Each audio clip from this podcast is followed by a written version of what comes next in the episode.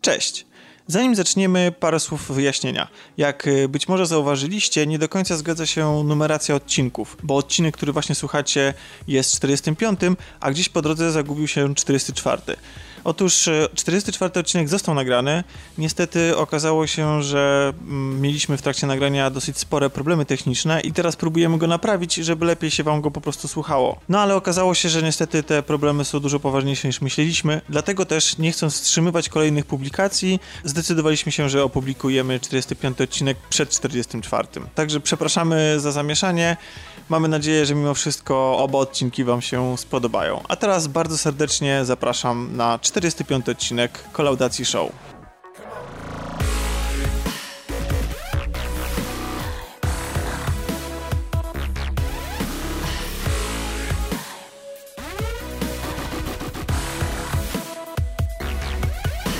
Już przy stole są, a później jeszcze dojdą nowe osoby, ale już teraz może, możecie posłuchać. Basie. Cześć wszystkim. Anię. Live long and prosper. I e, debiutującego przed naszym mikrofonem. E, cześć, jestem Alek. A coś więcej. E, jestem Alek i co prawda nie pochłaniam takich ilości filmów jak niektórzy, natomiast bardzo sobie cenię popkulturę e, i cieszę się, że będę mógł dzisiaj porozmawiać e, nie wiem, czy mogę zapowiedzieć o czym. Oczywiście.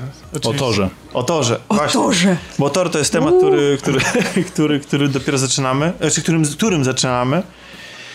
Widzieliście Tora? Widzieliście. A widzieliście no. poprzednie Tory? Tak. Tak. Tak. Mówimy o filmie Thor Ragnarok w reżyserii pana Waikiki. Waikiki. Taika Waititi. Tak. A, Waititi. Tak. Pa, pa, Waititi. Pan ma, pan ma bardzo, e, bardzo śmieszne nazwisko. I pan ma bardzo śmieszne głos. filmy. Tak, e, śmieszne filmy, ale jest to jego chyba pierwsza przygoda e, z kinem tak wysokobudżetowym, aczkolwiek nie z superbohaterami, bo kręcił też krótkie historie z Torem właśnie. E, krótko, krótkometrażowe historyjki. Nie wiem, czy to nie były reklamy. To a... były te zajawki, kiedy Thor idzie do pracy z Ta, nowym kolegą? Dokładnie tak. I on okay. za tym stał właśnie. Widać a. pewne połączenie y, między filmem to, a To tak. były moje ulubione zajawki z całego uniwersum Marvela, chciałam powiedzieć.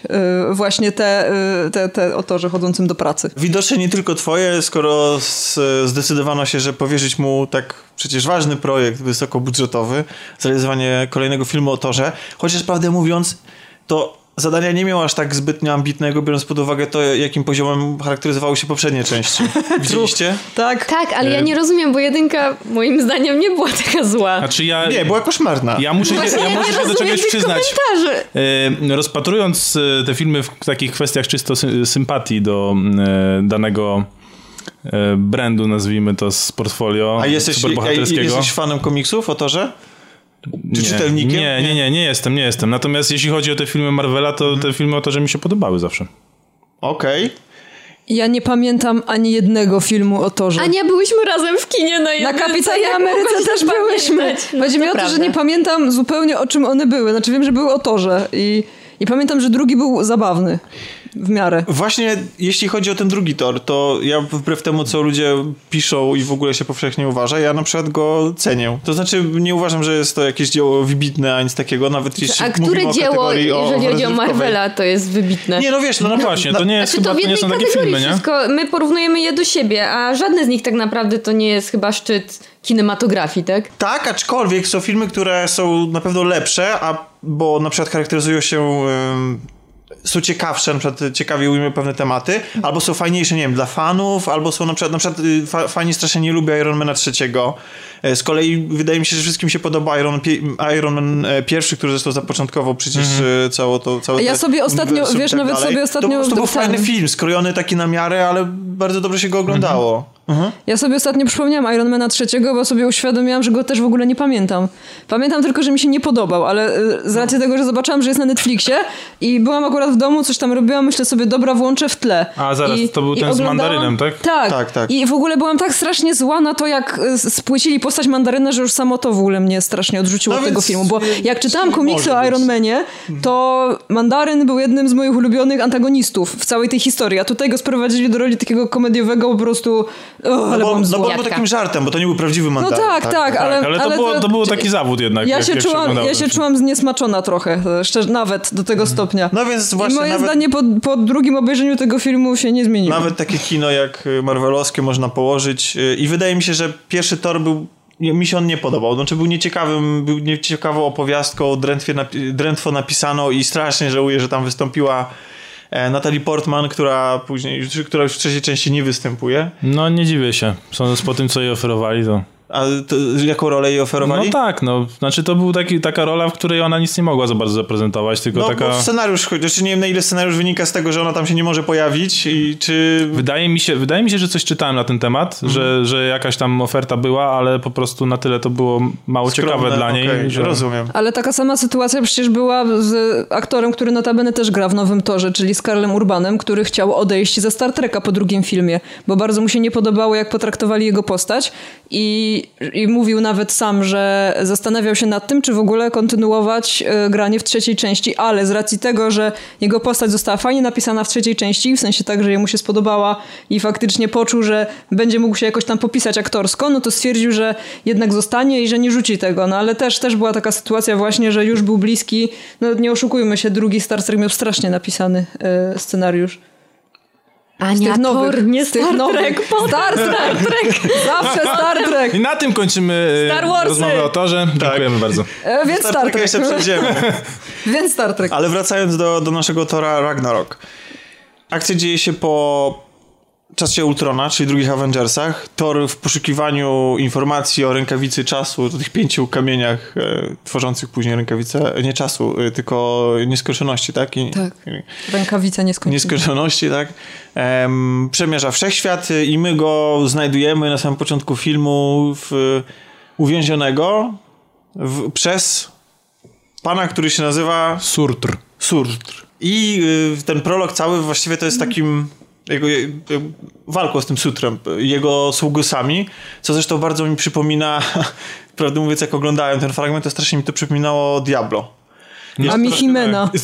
Himena! Himena mi przypomniała. Ale nie, ale o tym nie Diablo wiem. to nie jesteś pierwszy, który właśnie tak mówi, więc tak? coś tym... No coś tym jest, no. no. to było coś takiego, że Thor jest sam pojedynczą postacią i, to, tak, i jeszcze było coś takiego, że kamera była pokazana właśnie w takim rzucie, rzucie z góry izometrycznym, tak jak postać Troszkę w Diablo. tak, faktycznie. I on, i te, i te hordy wrogów na niego napierające i on dzielnie z nimi, um, dzielnie im stawiający czoła, a sam e, Surtur jest postacią, która chce z kolei no, zniszczyć Asgard, czyli królestwo Tora, tak? W sensie to, to, to gdzie on, Odyn, Loki panują. Mhm. Ale właśnie jeżeli mogę, to Jasne. sam ten początek właśnie mi się strasznie nie podobał. W sensie od razu, znaczy tak, bo w ogóle cały ten tor jest bardzo humorystyczny mhm. i oczywiście jest żart za żartem i, i goni żart. I na przykład już miałam przesyt tego w tym samym początku i naprawdę te pierwsze 10 minut filmu nie zrobiło na mnie dobrego wrażenia. Ja już czułam taki, nie wiem, że w sumie może by to było fajne, gdyby to nie był tor. Sama nie wiem czemu w sumie tak pomyślałam. Po prostu te poprzednie tory nie były chyba aż w tak żartobliwym klimacie zrobione, nie żeby to były jakieś poważne filmy. Mhm. E, ale mimo wszystko były w trochę innym klimacie i tutaj tak w sumie nie wiedziałam, w jakim kierunku chce iść dalej reżyser. Więc y, dlatego to, to my spróbujemy się tego dowiedzieć w no toku okay. dyskusji. Ja tylko dokończę może to właściwie o czym jest film, bo po pokonaniu Surtura, co zresztą nie jest może jakimś dużym spoilerem, no wybaczcie, jeśli wam Pierwsze 10 prolog, minut tak, filmu. E, wraca Thor do Asgardu, gdzie jak wiemy z zakończenia drugiej części Tora, władzę pod postacią Odyna przejął tak naprawdę Loki, czyli jego brat i demaskuje go nasz, y, nasz, nasz bohater, Thor. I razem Swoją wy... drogą świetne cameo y, Mata Damona tam. Tak, tak, tak, tak, tak. Bo jak, jak przybywamy do, do Asgardu, to jest, to jest. Asgard jest stolicą kulturalną, niemalże z taką stolicą kulturalną się zamienia, a sam Loki pod postacią Odyna właściwie zajmuje się tym, żeby sławić swoje własne imię. I tak, to jest bardzo, bardzo, bardzo fajna sekwencja. No i po niej, po, tej, po, tej, po zdemaskowaniu swojego brata, razem wyruszają po to, żeby odnaleźć ich prawdziwego ojca. To swoją drogą mnie zaskoczyło. Ja byłem przekonany, że on w poprzednim filmie zabił Odyna. Ja te, mi się też tak, mi się też tak wydawało. Była taka scena, kiedy on coś mu wbija w pierś, jakiś sztylet, coś takiego. Może to, to nie do końca przemyśleli, teraz to bardziej pasowało do, tak... do, do, tego filmu. Do, dodało też, y, tutaj już nie spoilując, taki bardzo y, interesujący wątek y, emocjonalny. Tak, taki rodzinny. Rodzinny. Dalej nie będziemy zdradzać.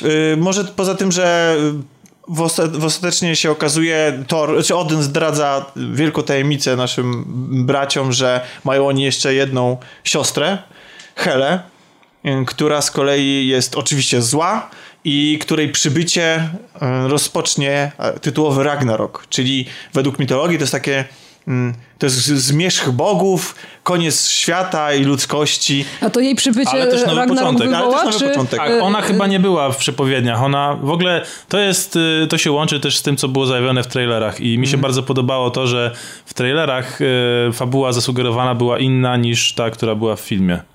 Okej. Okay. No w każdym razie głównym zagrożeniem no. jest właśnie nasza Hela. I Ragnarok. I Ragnarok, który się zbliża gdzieś tam na horyzoncie. Wizja tego, e, tego końca świata, Asgardu przynajmniej. Mhm.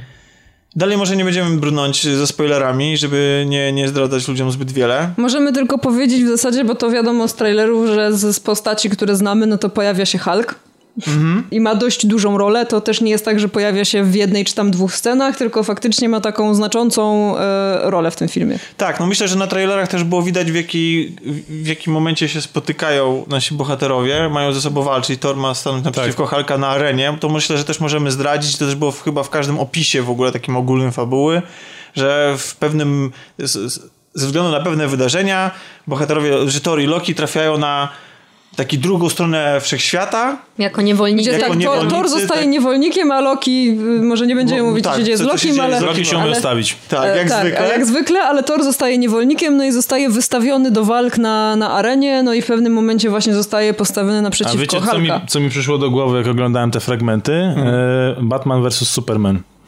Bo to był, to był pierwszy, pierwszy film taki Marvelowy, e, którym... Nie był film Marvela. Ma to no, ale DC. nie, ale ten. A, tak? Ten film. To był pierwszy film, w którym była pokazana taka walka dwóch mega potężnych postaci, które sobą rzucają.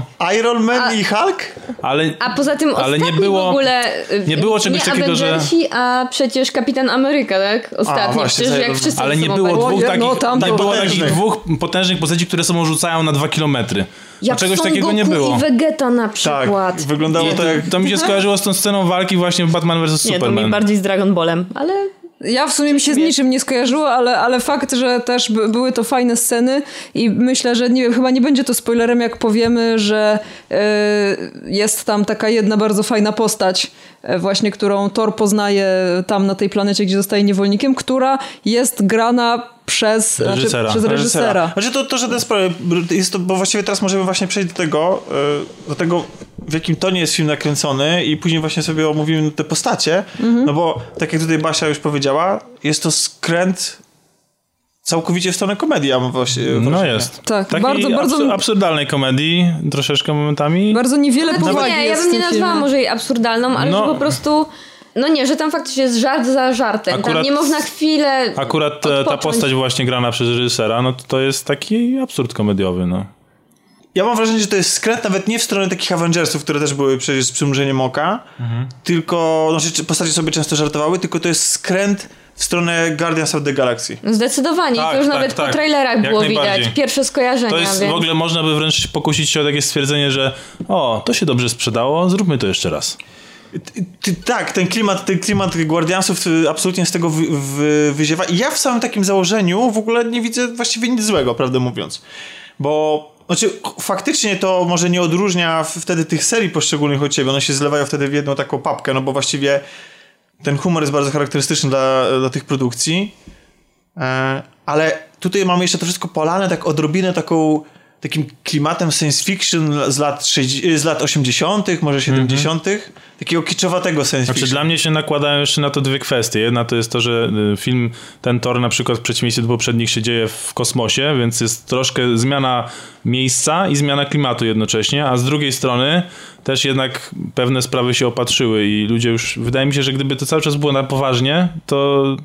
No właśnie, pytanie, czy chcielibyśmy znowu mieć te mroczne elfy, jak, jak, zbyt, zbyt dużo powagi, to, to nikt w to nie uwierzy, nikt tego nie kupuje, mi się wydaje. Albo tak jak powiedziałeś, ludzie są już przyzwyczajeni, już przyzwyczaili się do, że, do strażników i to strażnicy właśnie są tą siłą napędową z jakiegoś powodu. Może być. Znaczy, bo to też myślę, że kwestia jest taka, że są takie filmy nawet y, w uniwersum Marvela, które się proszą o to, żeby być poważne, a są takie filmy jak na przykład Guardians of the Galaxy, gdzie, gdzie jakby no, trochę konwencja też wymusza humor, ale z tego co ja pamiętam, bo y, ja nie czytałam jakoś bardzo dużo komiksów o Torze, ale ja ani jednego sobie... nie przeczytałem. Ja przeczytałam ja kilka, bo byłam ciekawa jak wygląda Thor, bo tam tam była taka historia, to co prawda już po filmie i to chyba właśnie po Avengersach, była jakaś historia, że Thor nie pamięta kim jest, ukrywa się jako lekarz na ziemi czy, czy coś i tam było też bardzo dużo takich absurdalnie głupich, nawet nie tyle, że śmiesznych, ale takich gagów, takich żartów słownych, które już dzisiaj nikogo nie śmieszą. Może w tamtych czasach to było zabawne, ale to mi troszeczkę przypominało właśnie ten humor w, w filmie. też swoją drogą, nawet już w tych opowieściach takich mitologicznych, Thor jest pokazany jako taki głupi osiłek. Mhm. E, więc to troszkę jest tak, że to jest wbudowane w tą postać. Tu, tutaj reżyser mówił, że on chciał wydobyć z...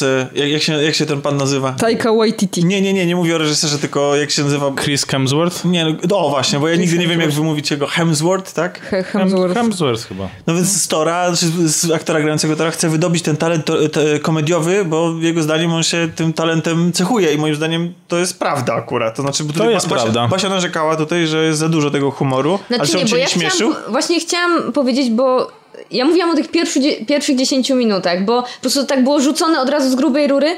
Szczerze, bo ja na filmie generalnie się bawiłam dobrze i w ogóle się nie nudziłam i się też śmiałam, chociaż momentami miałam małe poczucie żenady. Nawet nie wiem, czy przy jakichś konkretnych scenach, no może miałam taki, nie wiem, po, poczucie takiego już przesytu tym, no z tym, że też umówmy się, od samego początku nie wymagałam Bóg wie czego od Tora, więc po prostu zostajmy przy tym, że bawiłam się dobrze, było śmiesznie, nie musiało mi się wszystko podobać i mi się nie podobało, no i to tyle. jeszcze sobie pogadamy po o tym, co się nam nie podobało, ale jak, y, jak jesteśmy jeszcze przy humorze, to tak jak wspomniałem wcześniej, to narzucanie tego stylu powoduje, że właściwie wszystkie postacie, ja mam wrażenie, że były bardzo humorystycznie poprowadzone. Poza poza Hello może trochę, ale do niej, o niej bym chciał po, porozmawiać na Hello końcu. była na poważnie, wydaje mi się. Znaczy, to, to sobie, to, to, no, zaraz do tego przejdziemy, ale zacznijmy od samego właśnie, samego Tora. Czy, czy, czy on jest w tej wersji komediowej ok? E, jak dla mnie jest okej. Okay. Znaczy ja o wiele bardziej kupuję takiego Tora niż, e, niż Tora właśnie z Avengersów, czy z, właśnie z pierwszych tam filmów, gdzie on był takim strasznie poważnym wojownikiem, władcą i znaczy, w ogóle. Mi się wydaje, że w sumie ta śmieszność Tora w pierwszych, w pierwszym i w drugim filmie to wynikała z tego, że jak on się na przykład znalazł na ziemi w pewnym momencie, no to były dla niego nowe sytuacje. No i tam były jakieś zabawne sceny, że nie wiem, tacy goście, tak on, goście. tak on goście, goście właśnie, właśnie, tym kuflem po piwie i to było zabawne, to jest... bo on się zachował no. inaczej niż się ludzie na ziemi zachowują zachowują. No a tutaj już się w sumie był u siebie, tak? A mimo to był bardzo zabawny. Ale ja też go kupiłam. To jest Generalnie... ten sam typ humoru co Kapitan Ameryka. Też w nowym miejscu zupełnie, nowe okoliczności. Nie, potra- nie wie, co się dzieje. Tylko, że Kapitan Ameryka, jak bardzo go lubię, ma kij w Chociaż nie, w tyłku. No. Chociaż nie do końca jest y, Thor u siebie, bo trafia do, na obce rejony wszechświata, a tam z kolei u siebie jest y, postać Grandmaster, czyli postać grana przez Goldbluma. I ona, te, I ona to już jest w tak. ogóle skręcona w taki sposób, tak, że... ale jest świetna. Bardzo mi się podoba. Przypadł ci do gustu. Tak, tak, tak. Bo to nie jest typowy tyran, tylko, znaczy on jest tyranem, tylko że komunikacja... To jest chyba najgorszy typ tyrana, bo on jest psychopatą i on sobie chyba nie zdaje sprawy z tego, co robi jest źle. Jest totalne oderwanie tego, co on robi, od tego, co, jak on się zachowuje. Ale świetnie się bawi w tak, ogóle. Tak, tak, tak, tak, Świetnie się bawi w tej sytuacji człowieka, który wymyślił turniej właśnie tych niewolników walczących o to, żeby, żeby zostać wolnymi i w ogóle o to, że jest panem tego, tego zakątka wszechświata. I tak, tak jak tutaj Basia powiedziała, że on wygląda, jakby, czy on się zachowuje jakby w ogóle nie zdawał sobie z tego sprawy jego teksty w ogóle, to w jaki sposób on na przykład skazuje kogoś na śmierć, jak Właśnie sobie różnymi rekwizyt pod tytułem Topiąca Pałka. Topiąca Pałka, tak. No. Topiąca Pałka. to wszystko, on, on jest y, tak skrajnie przerysowany, że, że jest niebezpieczny w swojej, bo to nie jest taki zły, który się zaśmiewa ho, ho, ho, ho, ho, tylko jest taki właśnie A nie, to jeszcze trochę, gorzej, nie? bo my wręcz nam się podoba zła postać, tak? Więc coś z nami jest nie tak, z nim jest W sensie budzi, tak? budzi sympatię w jakiś o, sposób no, przez, to, przez to, że jest taki szalony w tym swoim zachowaniu i nieprzewidywalny że, że, że kompletnie. nawet chcemy, oczekujemy od niego, żeby był taki, że żeby kogoś tam zgładził no tak, i żeby właśnie się jakimś śmiesznym one-linerem. Tak, robi śmieszne rzeczy przy tym, no super.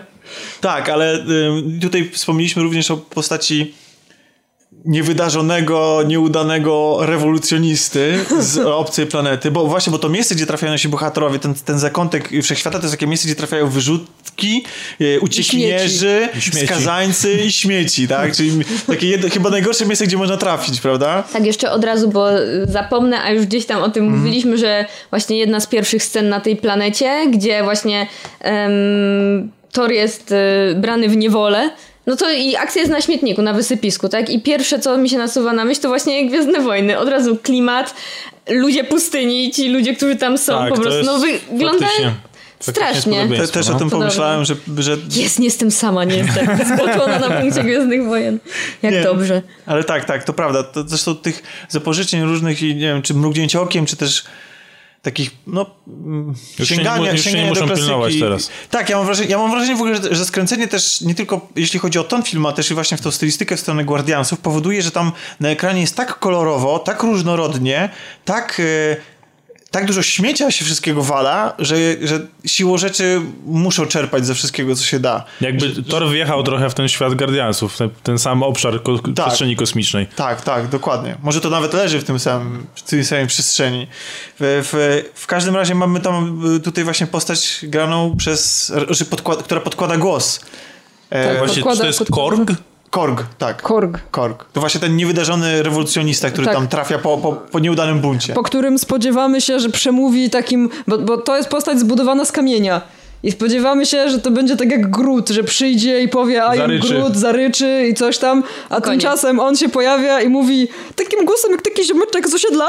Ja po prostu... To, nawet takim... to, była, to była pierwsza scena, przy której ja wybuchłam właśnie. takim śmiechem w kinie, jak on się odezwał. Ale I zaczął opowiadać, no słuchaj, tutaj jest taki tak? koleś, no on nie przeżył, no sorry, no tak się Plus zdarza. Nie? jego stoicyzm jest po prostu tak. nie do przecenienia. Nie, ale nie ma chyba osoby, której by się nie podobała ta postać w sumie. Dla tej postaci jestem w stanie pójść drugi raz do kina na Tora, bo naprawdę... To jest najlepsza postać w całym filmie dla mnie. Moim zdaniem też. On jest najlepszą postacią w całym filmie. Mm, zdradzę wam, że... Znaczy zdradzę wam, znaczy w sensie gdzieś tam wyczytałem, że e, jest szansa na, na jakieś... Nawet jeśli miałby być małe, ale spin-offy z tymi bohaterami, bo on nie jest sam, on występuje w parze z postacią, która tak. się nie odzywa. A, tak, tak, tak. Ale właśnie to jest ten problem. Ja też o tym zapomniałem. Dopiero, dopiero mi się Faktycznie, ale była scena pod koniec filmu, gdzie ta postać też tak, występowała. Że on ma takiego partnera swojego, który się nie odzywa, ale który jest bardzo charakterny. Chociaż gdzieś tam ginie, jak tutaj w naszych głowach, w naszej, w naszej pamięci.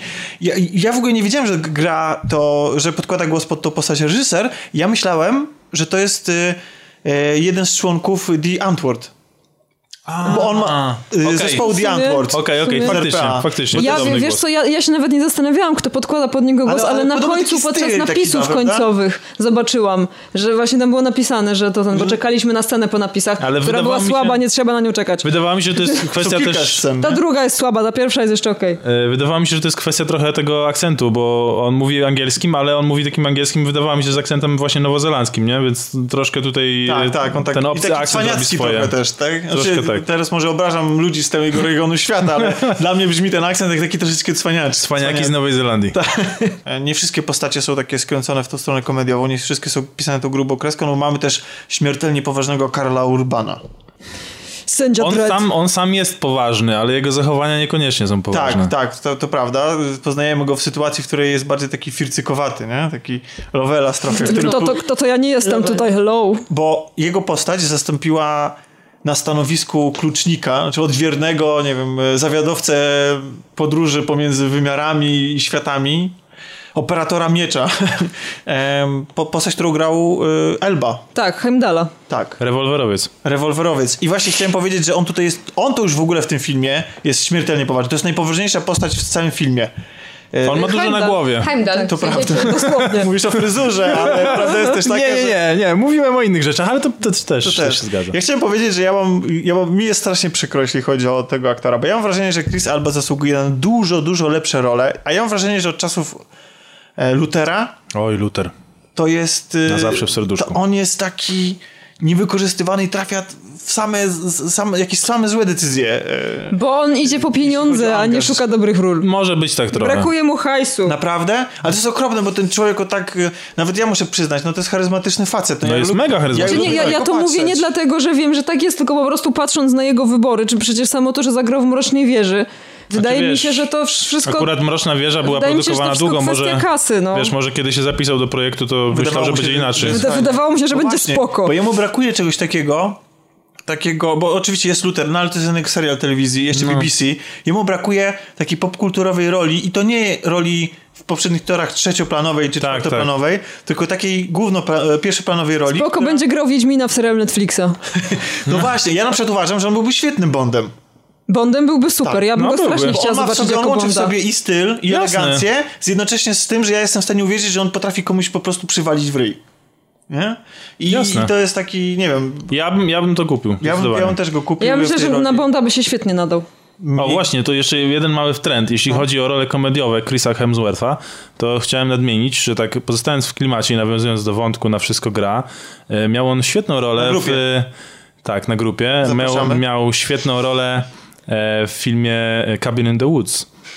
Nie wiem, czy pamiętacie. Ja nie tak, pamiętam. umarł. I to była rola komediowa i umarł w bardzo komediowy sposób. Nie, ale, tak, ale on, on miał chyba pierwszy. On miał, ten film ma 5 lat, czy ileś tam. Już miałeś okazję on, obejrzeć. On miał najbardziej spektakularną śmierć w tym filmie. Ja popłakałem ze śmiechu, jak zobaczyłem jego numer. świetny tam, no.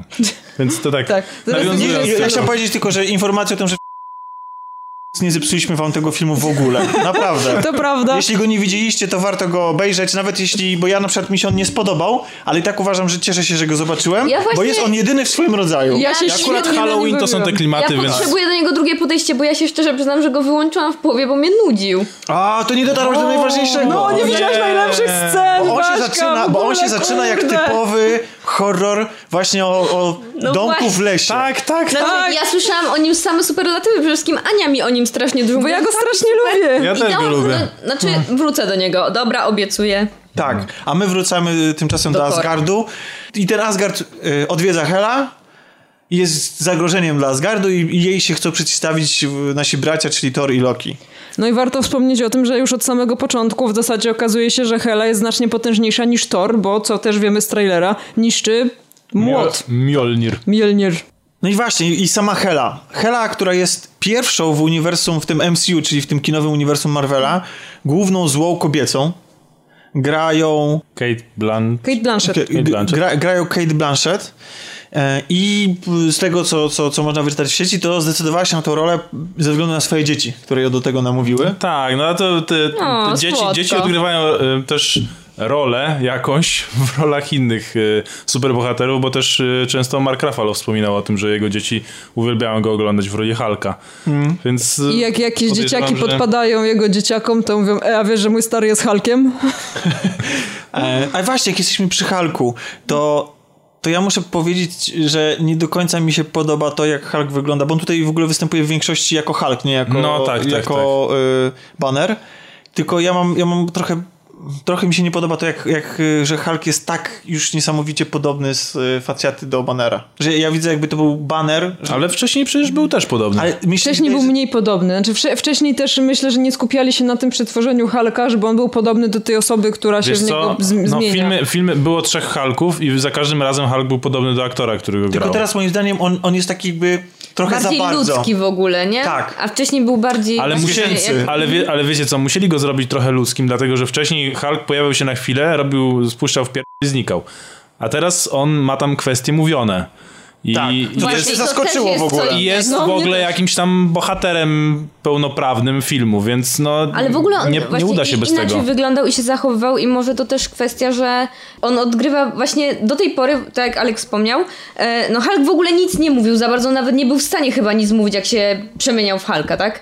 E, no a w tym momencie on normalnie rozmawia, tam są jakieś dialogi, też nie wiem, czy to spoiler, czy nie, że po prostu on jakiś tam czas dłuższy był w ciele Halka. Mhm. Nie, to jest, e, no to jest, dokładnie, to jest, po, jest... po zakończeniu czasu Ultrona, tak? Akcja mhm. się dzieje, no więc tak, wiemy, więc... że on E, no tak, tylko że on po prostu pozostał w tym e, Opuścił ciele ziemię. Halka, więc zaczął jakby w nim funkcjonować, więc może to też z tego I, wynikało. No w ogóle był jakiś taki mniejszy chyba, trochę miałam wrażenie. W sensie tak stał no, obok niego Na tej Thor. arenie to całkiem nie, to może Thor, który podobno wygląda najlepiej ze wszystkich, y, w sensie ten aktor, czyli...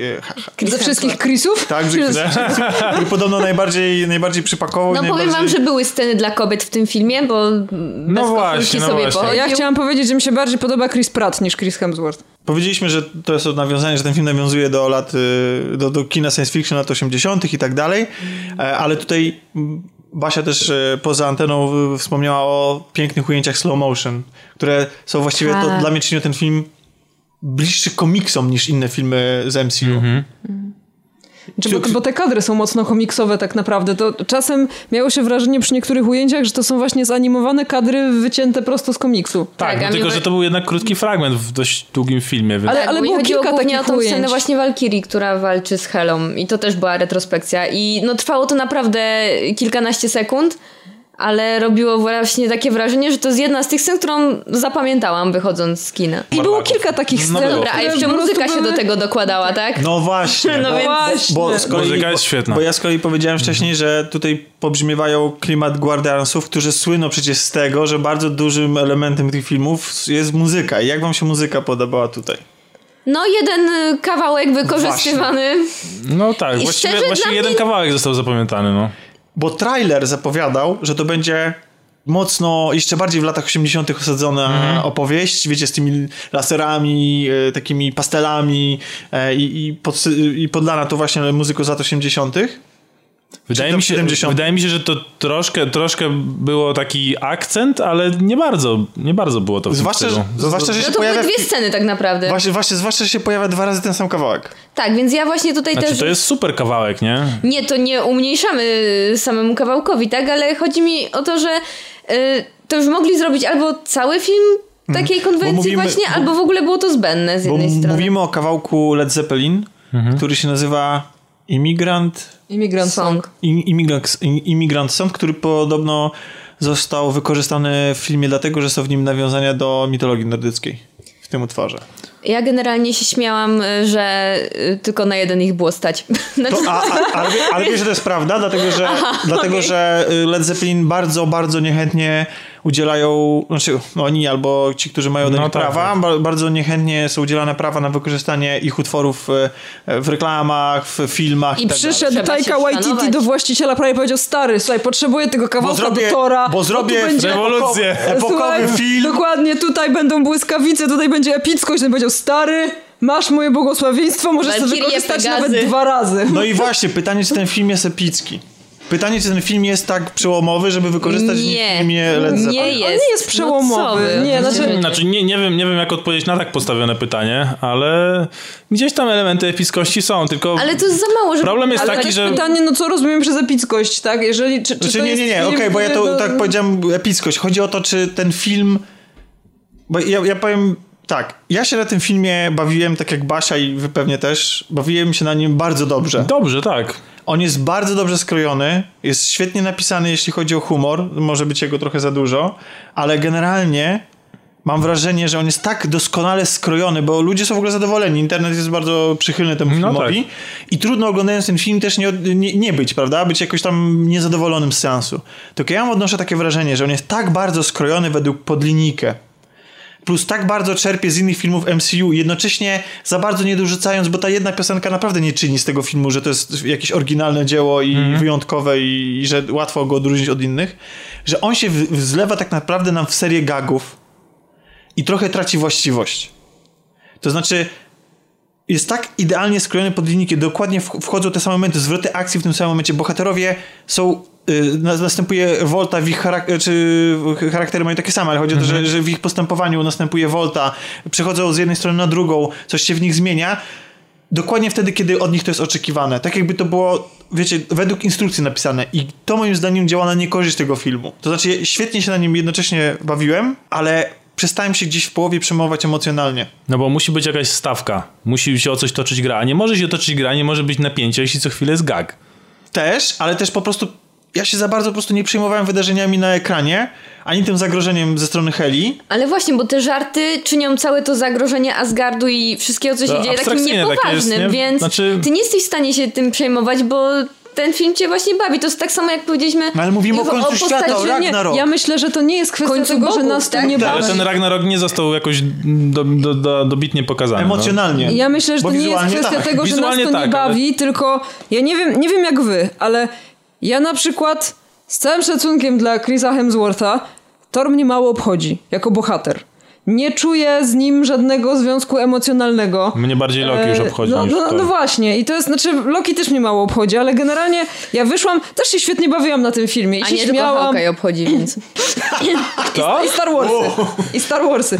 E, świetnie się bawiłam na tym filmie, ale wyszłam z niego myśląc już zupełnie o czymś innym i jakby... Ja już w y, trakcie nawet. Tak, no miałam też w trakcie Zwłaszcza takie momenty, że zaczynałam sobie taki, taki po prostu strumień świadomości gdzieś, że tutaj się coś wydarzyło na ekranie, co mi przypomniało na przykład Himena, y, i, I, już zaczęłam myśleć o tej przeróbce, gdzie jest What's going on i Himen tańczy. I nie mogłam się potem skupić na tym filmie, bo myślałam. No dobra, nieważne, ale chodzi mi o to, że Wydaje mi się, że to nie jest kwestia tego, że ten film się może wydawać niepoważny, tylko raczej kwestia tego, że dla nas y, nie ma tam żadnego ładunku emocjonalnego, takiego, że nie, nie, znaczy, nie wiesz, czuć ale... takiego, bo, bo to jest MCU. Znaczy, tam wszystko będzie no, dobrze. Widzisz, a z drugiej strony mamy y, Strażników Galaktyki, gdzie w pierwszym filmie, mimo tego, że film miał swoje wady, potrafiono zbudować bohaterów, którymi się przyjmowaliśmy. Właściwie film cały stał bohaterami. Tak. Właśnie, ale to jest, to jest trzeci tor i jeśli do tej pory go nie zbudowali, a moim zdaniem go nie zbudowali niestety. Jak, to, jest, to jest fajna, śmieszna postać się sprzedał. Ale co powiesz no, więcej? Co powiesz więcej o torze, poza tym, że to jest śmieszna, fajna postać. Nawet wątku tego miłosnego mu nie ale, potrafili pociągnąć. Ale, filmy, ale, ale on się i tak pojawi w filmach, bo to nie o to chodzi. No, ale tak, no oczywiście, ale no tak, i ja na ten film pójdę i się będę na no. nim dobrze bawić, ale chodzi o to, że ja mam zerowy jakby yy, ładunek emocjonalny dla mnie jest. No tak, ale to jest prawda, mamy wątek Valkyrie. Pierwsze filmy mamy... faktycznie były bardziej, jeszcze sorry do tego, co Ania nawiązała, że gdyby w pierwszym filmie może to wszystko było inaczej zbudowane, no to właśnie my byśmy mieli inny stosunek właśnie do Tora, do... Albo gdyby były lepsze. no to tym... jedno jest związane z drugim, także... No. A poza tym wiadomo, że to jest domena filmów i komiksów superbohaterskich, że ratujemy świat, ale z drugiej strony ile razy można ratować ten świat, no, nie? tu wiesz, jeszcze nas czeka przynajmniej jeden w Avengersach. No na jeszcze, pewno, nie? Jeszcze ale, Black Panther będzie Ale, ale na przykład dla mnie, na przykład dla mnie miłą odmianą były troszkę, troszkę niższa stawka, troszkę takie bardziej osobiste wyzwania, jak na przykład Spider-Man. w Spider-Manie. Tak. No to, to, na pewno można uznać za najbardziej udane, mimo tego, że ja miałem sporo zastrzeżeń, e, zwłaszcza do wymowy tego filmu. E. Ale widzisz, ale to jest też tak, że tak jak ja na przykład absolutnie mnie nigdy nie obchodził Spider-Man, ale ja się poczułam emocjonalnie zaangażowana w ten film, jak go oglądałam, bo ten bohater był jakiś, a ja mam wrażenie, że tak. Znaczy może, może ja mam mylne wrażenie, ale mi się wydaje przynajmniej dla mnie, tak, że Thor jest po prostu nijakim bohaterem. Znaczy nawet nie chodzi o samego Tora. Ja mam wrażenie, że właśnie pod tym. Ja, ja trochę się przychylam na stronę Basi, że, że to gdzieś. Że, to, że te, ta cała emocjonalność tego filmu ginie gdzieś pod tym, pod tym natłokiem tych śmiesznych scen, bo na przykład mamy całą Walkirię, jej wątek. I ten wątek jest, e, powinien być bardzo emocjonalny ze względu na jej przeszłość, ze względu na jej decyzję, na to, że czekamy, czy coś się I że jej matka ma na imię Marta. Znaczy, scenarzyści oczekują... nie no, śmieję się. E, ale że, że, że czekamy, znaczy scenarzyści chcą, żebyśmy czekali na to, co się z nią stanie. Tymczasem kompletnie ten wątek po mnie spłynął i tak samo jak, jak po mnie spłynęła cała, cała końcówka, cała walka z zagrożeniem e, ze strony Heli i tym, w jaki sposób ona mm, przejmuje ten, ten Asgard i tak dalej, to wszystko y, to jest jakieś takie no nie było to tak naładowane emocjami, jak powinno być. No, Dlatego dla mnie ten film nie, nie wybrzmiał tak. To jakoś tak troszkę miał być fajerwerk, a tak ląd się zatlił i tak... Znaczy nie, widzisz go, tylko to jest taki efektowny, sztuczny ogień. No, ten, y, ten jakby main show, tak, ale ta Hela troszeczkę jak na taką potężną postać nie pokazała, wydaje mi się, swojego Ale, ma, ale mam wrażenie, że ona się świetnie bawiła w tej roli w ogóle. Kate, nie, Kate no na pewno. Dobrze i to wyszło, bardzo. Ej, no każdy by się chyba świetnie bawił w takiej roli, no. Czyli tak sobie myślę. tego złego, no. Come on. O, też. Kate Blanchett tutaj naprawdę fan fatal. W tym filmie? No. Fan fatal to jest taka... Yy, w, znaczy... Hmm. Kobieta z guby. Znaczy właśnie widzisz, ja, ja mam, ja mam, ja mam yy, pewien problem z klasyfikacją jej postaci. Mianowicie ona jest niby złą, taką, wiecie, przedstawiana jest absolutnie jako ten, ten villain, czyli ten, ten złoczyńca mm -hmm. główny do pokonania.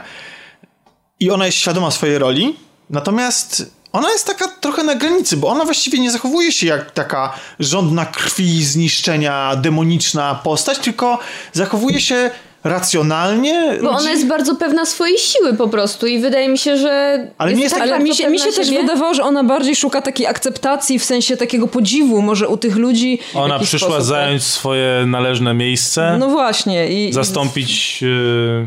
Starych bogów. Tak. tak, właśnie.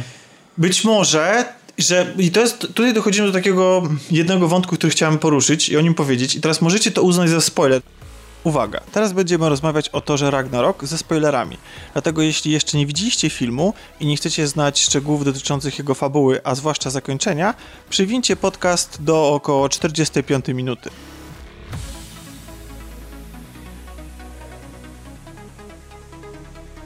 Bo dla mnie e, zastanawiające jest to, że w tym filmie bardzo dużo się mówi o determinizmie i przeznaczeniu.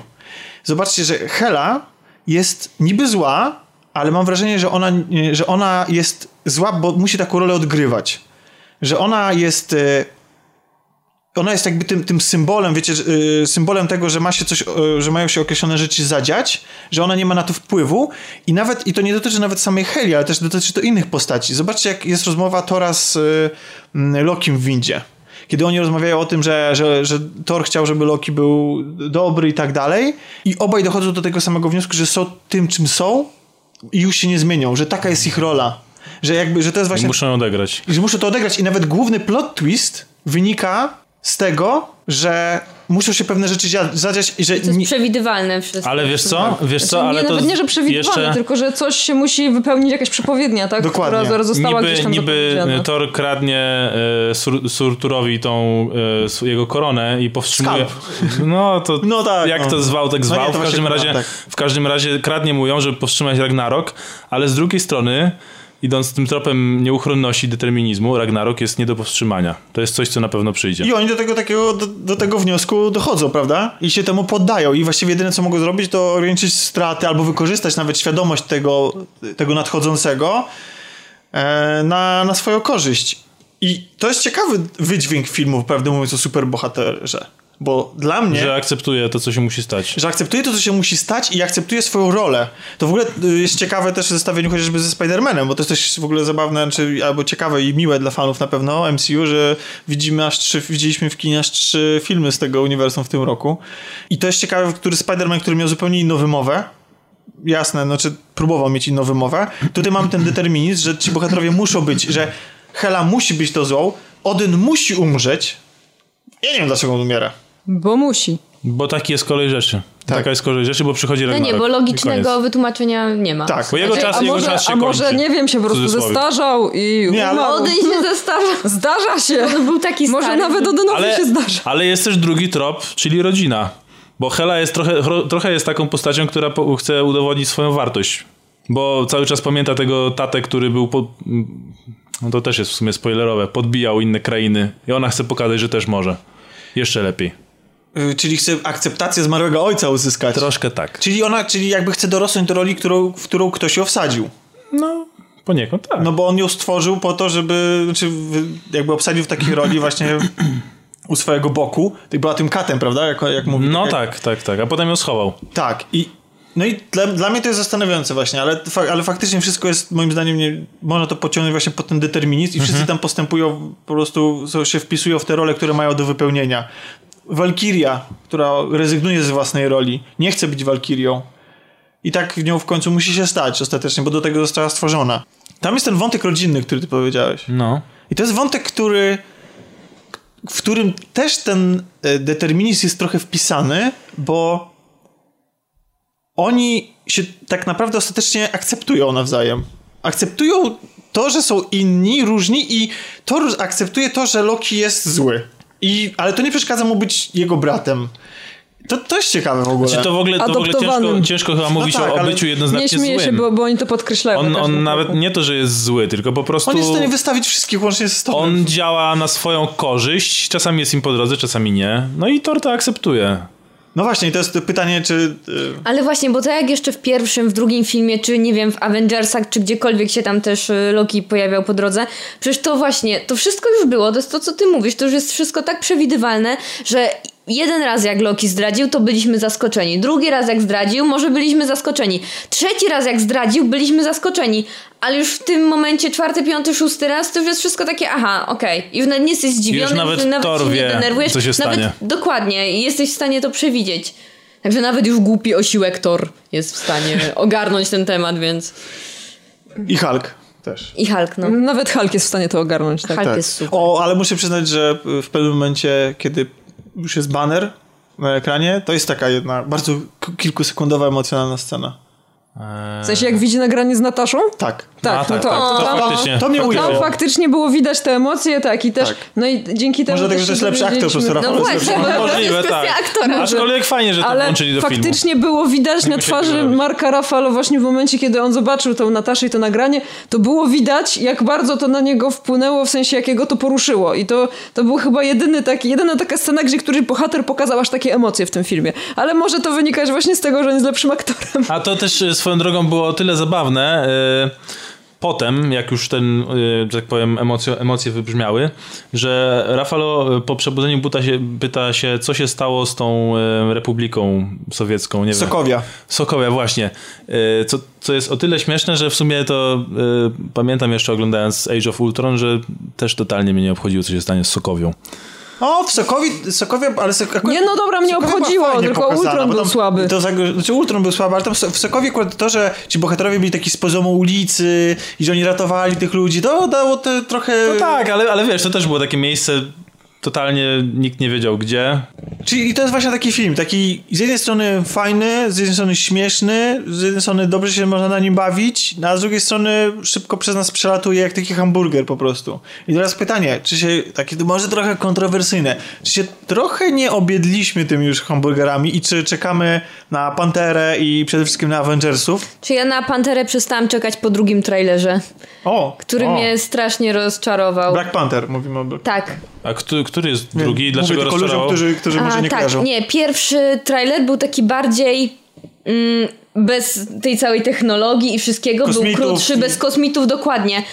I mi się to podobało. Mi się. Myślałam nowy klimat, coś takiego świeżego i jeszcze w takich właśnie em, w tej takiej kulturze afrykańskiej. Nie wiem, ja to kupowałam, po czym zobaczyłam drugi tla- trailer, gdzie e, kosmici, statki kosmiczne, podróżą...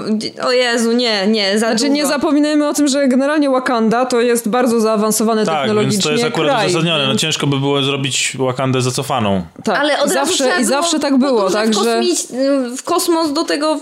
Dobra. Znaczy podróże w kosmos są domeną całego uniwersum Marvela i ja i tak jestem w szoku, że im się to udało No odłożyć wiem, na tak późno. Ale widzisz, y, nie wiem, właśnie tak jak chociażby pierwszy Iron Man też nie musiał mieć akcji w kosmosie. Miał. Tak?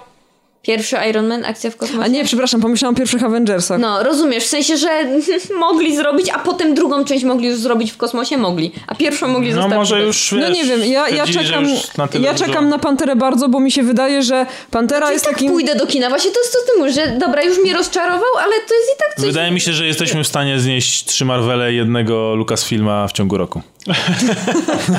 Ale wiecie co, bo Kontrowersyjne stwierdzenie. Ci słuchacze, którzy nas nie znają z grupy Rozgrywka i z naszych jakichś wcześniejszych wcieleń, tudzież pobocznych projektów, albo innych projektów, bo nie pobocznych, to nie wiedzą, że kolaudacja powstała, została zainicjowana przeze mnie i przez Pawła Matule ze względu na to, że jak bardzo cierpieliśmy z powodu beznadziejności filmu Batman v Superman. Byliśmy tak zdołowani i tak Pamiętam. źli na ten film, że stwierdziliśmy, że musimy coś nagrać i tak powstała pierwsza kolaudacja wideo jeszcze wtedy.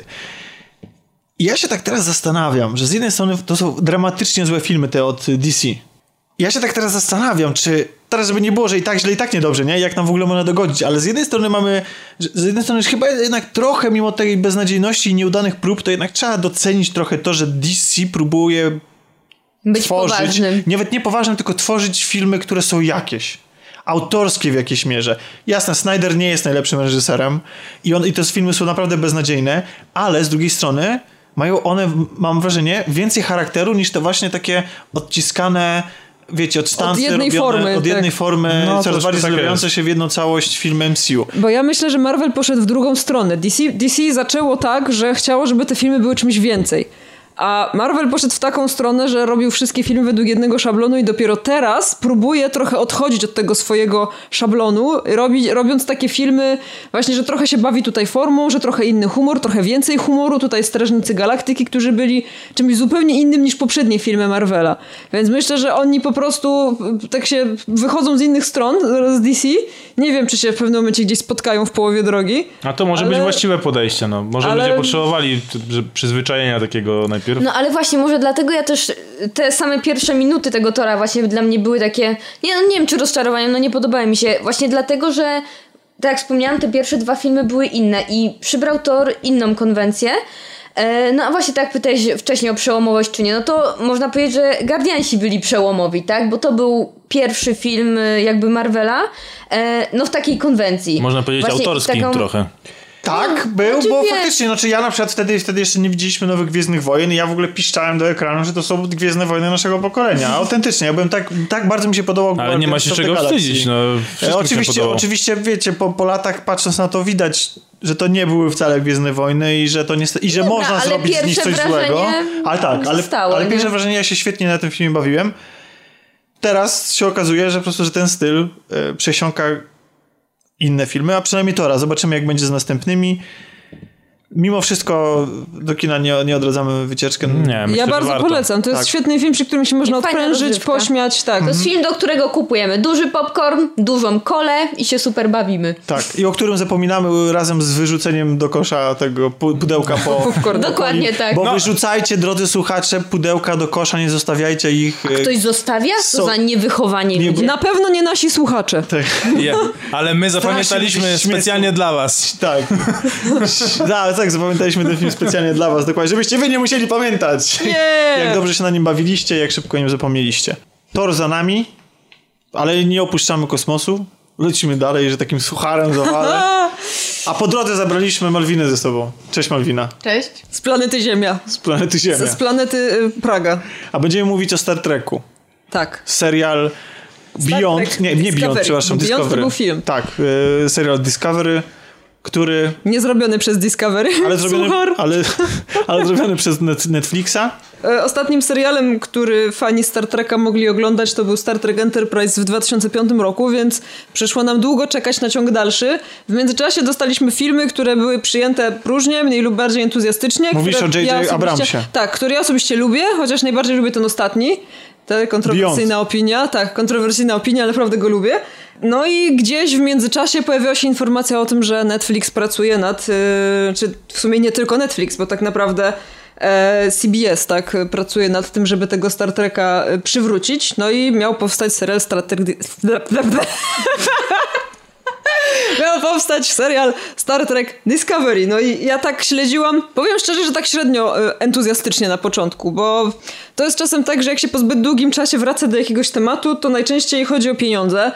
A mam wrażenie, że jest taka moda w ogóle powracania do takich starych serii, do starych Chyba filmów. Mówimy o Blade Runnerze. Chyba, że tak, no chlubny to, wyjątek. Ja, tak, ja powiem, że też chodzi o pieniądze w, każdym wypadku, tylko tutaj chodzi o to, jak no, się do tego no, podejdzie. Albo, albo jedziemy na nostalgii już, albo chcemy faktycznie zrobić tak, coś fajnego. Tak, ale z racji tego, że mamy teraz jakby y, inne zupełnie y, narzędzia i, i też troszeczkę zmienił nam się odbiorca. Z jednej strony ci, którzy oglądali Star Treka wcześniej, są teraz już trochę starsi i pewnie z przyjemnością też wrócą do, do do tych serii, wrócą do tego świata, a z kolei też jest szansa na to, żeby przyciągnąć nowych fanów, których się może nie do końca udało przyciągnąć e, filmem. I no ty, to... jako, I ty jako fanka tak. Star Treka. Tak. Czy to ja. Zostałaś przyciągnięta i, za, za, i zaspokojona tym, co ci zaoferował serial. Znaczy wiesz co, trudno, trudno, mi się wypowiedzieć. Ja widziałam pięć odcinków tego serialu. Okay. Nie widziałam jeszcze najnowszego odcinka, więc trudno mi się wypowiedzieć o, cało, o, o tym serialu jako całości, no bo, jasne, bo on nie... jest bardzo nierówny. A. Jest bardzo nierówny, ale może ja powiem na początku o co w nim chodzi, bo mamy zawsze z tym problem. Więc y, serial Star Trek Discovery dzieje się tak mniej więcej 10 lat przed wydarzeniami, które znamy z The Original Series, czyli tam, gdzie pojawia się Kirk i Spock. Mówisz o tej serialu z lat 60. O tym pierwszym, pierwszym serialu, tak, który był tak pięknie zmontowany i w ogóle ostatnio sobie przypomniałam kilka odcinków i płakałam ze śmiechu, polecam. To tam jest ta walka taka e, ikoniczna. mówisz? Ja teraz zrobiłam, tak, teraz zrobiłam pantomimę tutaj, tak, to to. To, to. Biłaś się z powietrzem i to tak. prawie, prawdę mówiąc, niewiele to odbiegało od tego, co można było zobaczyć Tak jak, tak jak, wo, tak jak walka na miecze świetlne w pierwszych Gwiezdnych Wojnach. Byle się nie złamały. Oj tam, oj tam. Oj, oj, oj, oj. oj, oj. Tak, bo drodzy słuchacze, ale być tak. może już wiecie, ale tutaj jest taki podział przez ten stół. Po jednej stronie siedzi fanka Star Treka, po drugiej stronie fanka Gwiezdnych Wojen. I... Ale to nie jest tak, że ja na przykład hejtuję Gwiezdne siostry, Wojny. Ale ja też lubię Star Treka, tylko... Mniej. Tylko mniej. Ale tylko, lubię. Tylko Basie ominął ten moment, kiedy ja oglądałam wieczorami Star Treka w domu, popołudniami, przepraszam. Tak, może oglądałam to dobrze, Gwiezdne Wojny. Może to dobrze dla niej, tak codziennie, te same. Ale tak, więc... Ja ostatnio widziałem cztery razy, więc... Jeśli, jeśli chodzi o, o fabułę, to dostajemy tak naprawdę historię, która się opiera na konflikcie z różnymi tam zjednoczonymi rodzinami klingońskimi, domami klingońskimi, więc tak naprawdę troszeczkę oglądamy tło tych wydarzeń, które, które później miały miejsce w The Original Series, bo właśnie pojawiają się, może chciałam powiedzieć kroganie. Przepraszam. Pojawia, Kroganie, czyli z kolei z Mass Effecta rasa. Pojawiają się, pojawiają się Klingoni yy, i pojawiają się yy, i pojawia się, też bohaterowie, których znamy z kolejnych yy, serii, jak na przykład Sarek. Co jest ciekawym zabiegiem, bo właśnie główna bohaterka jest człowiekiem, ale została wychowana w duchu wolkańskim właśnie i była uczona przez właśnie Sareka. I to jest też o tyle ciekawe, że ona mimo tego, że została przez tych Wolkan y, wychowana, to w ogóle się nie zachowuje jak Wolkanin moim zdaniem. I właśnie z tym miałam problem, bo... No bo jest w niej jeszcze drzemie w niej ludzka natura. Tak, ta ludzka natura najgorsza, Spok coś o tym wie. Tragedia. Ale on znaczy... przecież nie był, on nie był ziemianinem. On miał ludzką matkę. On miał matkę ludzką, tak. Okej. Okej, okej. On jest właśnie dlatego fascynującą Przepra- postacią, bo on jest bardzo... So, sorry, sorry. Intelektualnie podchodzi do wszystkiego, ale jednocześnie emocjonalnie. I ja wszystkim tak. polecam właśnie z tej starej serii, znaczy tej pierwszej, odcinek, jak on się zakochuje. O Jezu, to, o jest, Jezu, piękny odcinek. To jest piękny odcinek. To jest cudowny, to jest najlepszy odcinek świata. Ale w której starej serii? W sensie tej z lat 60. W opisie tak? jest numer odcinka. Tam, tam numer tak, odcinka w opisie. Odcinek. Bo ja go muszę sprawdzić. Jak Dobrze, sprawdzimy i dla podamy w opisie. Star Trek nagle nabrał sensu. sensu. Nie, ja jestem, ja jestem, ja się wychowałem na Star Treku Next Generations i później oglądałem jeszcze Deep Space, Deep Space Nine, który mi się też podobało, ale jak wjechał Voyager, to albo ja z niego, nie wiem, w cudzysłowie wyrosłem, albo zmieniłem, albo po prostu on nie był aż tak dobry, żeby mnie do tego przyciągnąć i w tym momencie się... Mój... Zmieniłeś orientację na Gwiezdne Wojny. To dopiero przyszło niestety Pomijmy po może czasie. Gwiezdne Wojny przy okazji rozmowy o Star Tak, tak, już więcej nie wspomnimy o żadnych Gwiezdnych Wojnach. Tak. Natomiast mi się, natomiast te nowe filmy J.J. Abramsa, pierwszy mi się bardzo podobał i ten trzeci też mi się podobał. Mi się tak, mi się, kino, mi się też w sumie nie podobał najbardziej drugi. Uważam, że nie powinien był nigdy powstać, ale to no osobna, dobrze, ale to osobna tak, historia. Zepsuł mi mój ulubiony gniew Kana, no ale dobrze. E, tak czy siak, bardzo się tak nastawiałam właśnie neutralnie, starałam się nie oczekiwać zbyt dużo od tego serialu i jak się okazało, później było to słuszne podejście, bo te dwa pierwsze odcinki, mam wrażenie, że zostały nakręcone jakby do zupełnie innego serialu niż ja później oglądałam przez te kolejne odcinki. Bo to jest taka strasznie długa ekspozycja, która jest to po pierwsze, dziwnie zrobiona. Po drugie miałam wrażenie, że te dwa pierwsze odcinki, które mają nam za zadanie przedstawić przedstawić po pierwsze główną bohaterkę, po drugie panią kapitan, z którą ta bohaterka pracuje jakby tak na co dzień, z którą wykonuje różne misje i, i załogę tego statku, to tak naprawdę do niczego nie prowadzi, bo w trzecim odcinku to się resetuje. I mamy dużo ładnych widoczków, mamy dużo głupich no, decyzji. Nie, tak nie do końca, e... no bo wiemy, są konsekwencje są tych wydarzeń, no natomiast... Tak, tylko chodzi mi o to, że równie dobrze można by nie oglądać tych dwóch odcinków i zacząć od trzeciego, bo tam się mówi o tym, co się wydarzyło w tych dwóch poprzednich to nawet i byłoby ciekawsze. trzeba tego oglądać. Prawdę mówiąc, właśnie, właśnie bo byśmy, o to mi chodzi, bo byśmy tak? cały że... czas e, mieli y, różne uczucia względem głównej bohaterki, bo ona robi tam pewną rzecz, za którą... Tak, to, to nie będzie duży spoiler. Nie, no Bohaterka w związku z tym, że yy, tak znajdują, znajdują niezidentyfikowany obiekt gdzieś y, przy, przy jednej z planet, no i postanawia sprawdzić, co to jest. Okazuje się, że to jest y, klingoński statek. Czyli wrogi. Yy, tak, czyli wrogi statek. Z, przypadkiem wywiązuje się konflikt między tą bohaterką a, a jednym z wojowników klingońskich, który ginie. No i Klingoni oczywiście, no to właśnie to był taki dum, dum, powiedzmy dum. nieszczęśliwy zbieg okoliczności, tak? Klingon ginie, no i oczywiście wtedy flota klingońska oburzona yy, zaczyna... Przepraszam, ale wyobraziłem sobie flotę, która się oburza. Obejrzyj Star Treka. Siedzą tak i tak... Bardziej pomyślałem o, sta o statkach, które się oburzają. wychodzimy z tej galaktyki. Tak czy siak... Yy, Bohaterka robi tam jej, coś? Tak, w wyniku jej nieprzemyślanych działań, tak naprawdę, i, i tego, że buntuje się otwarcie yy, rozkazom swojej pani kapitan, zostaje jakby osądzona, no i trafia do więzienia, tak?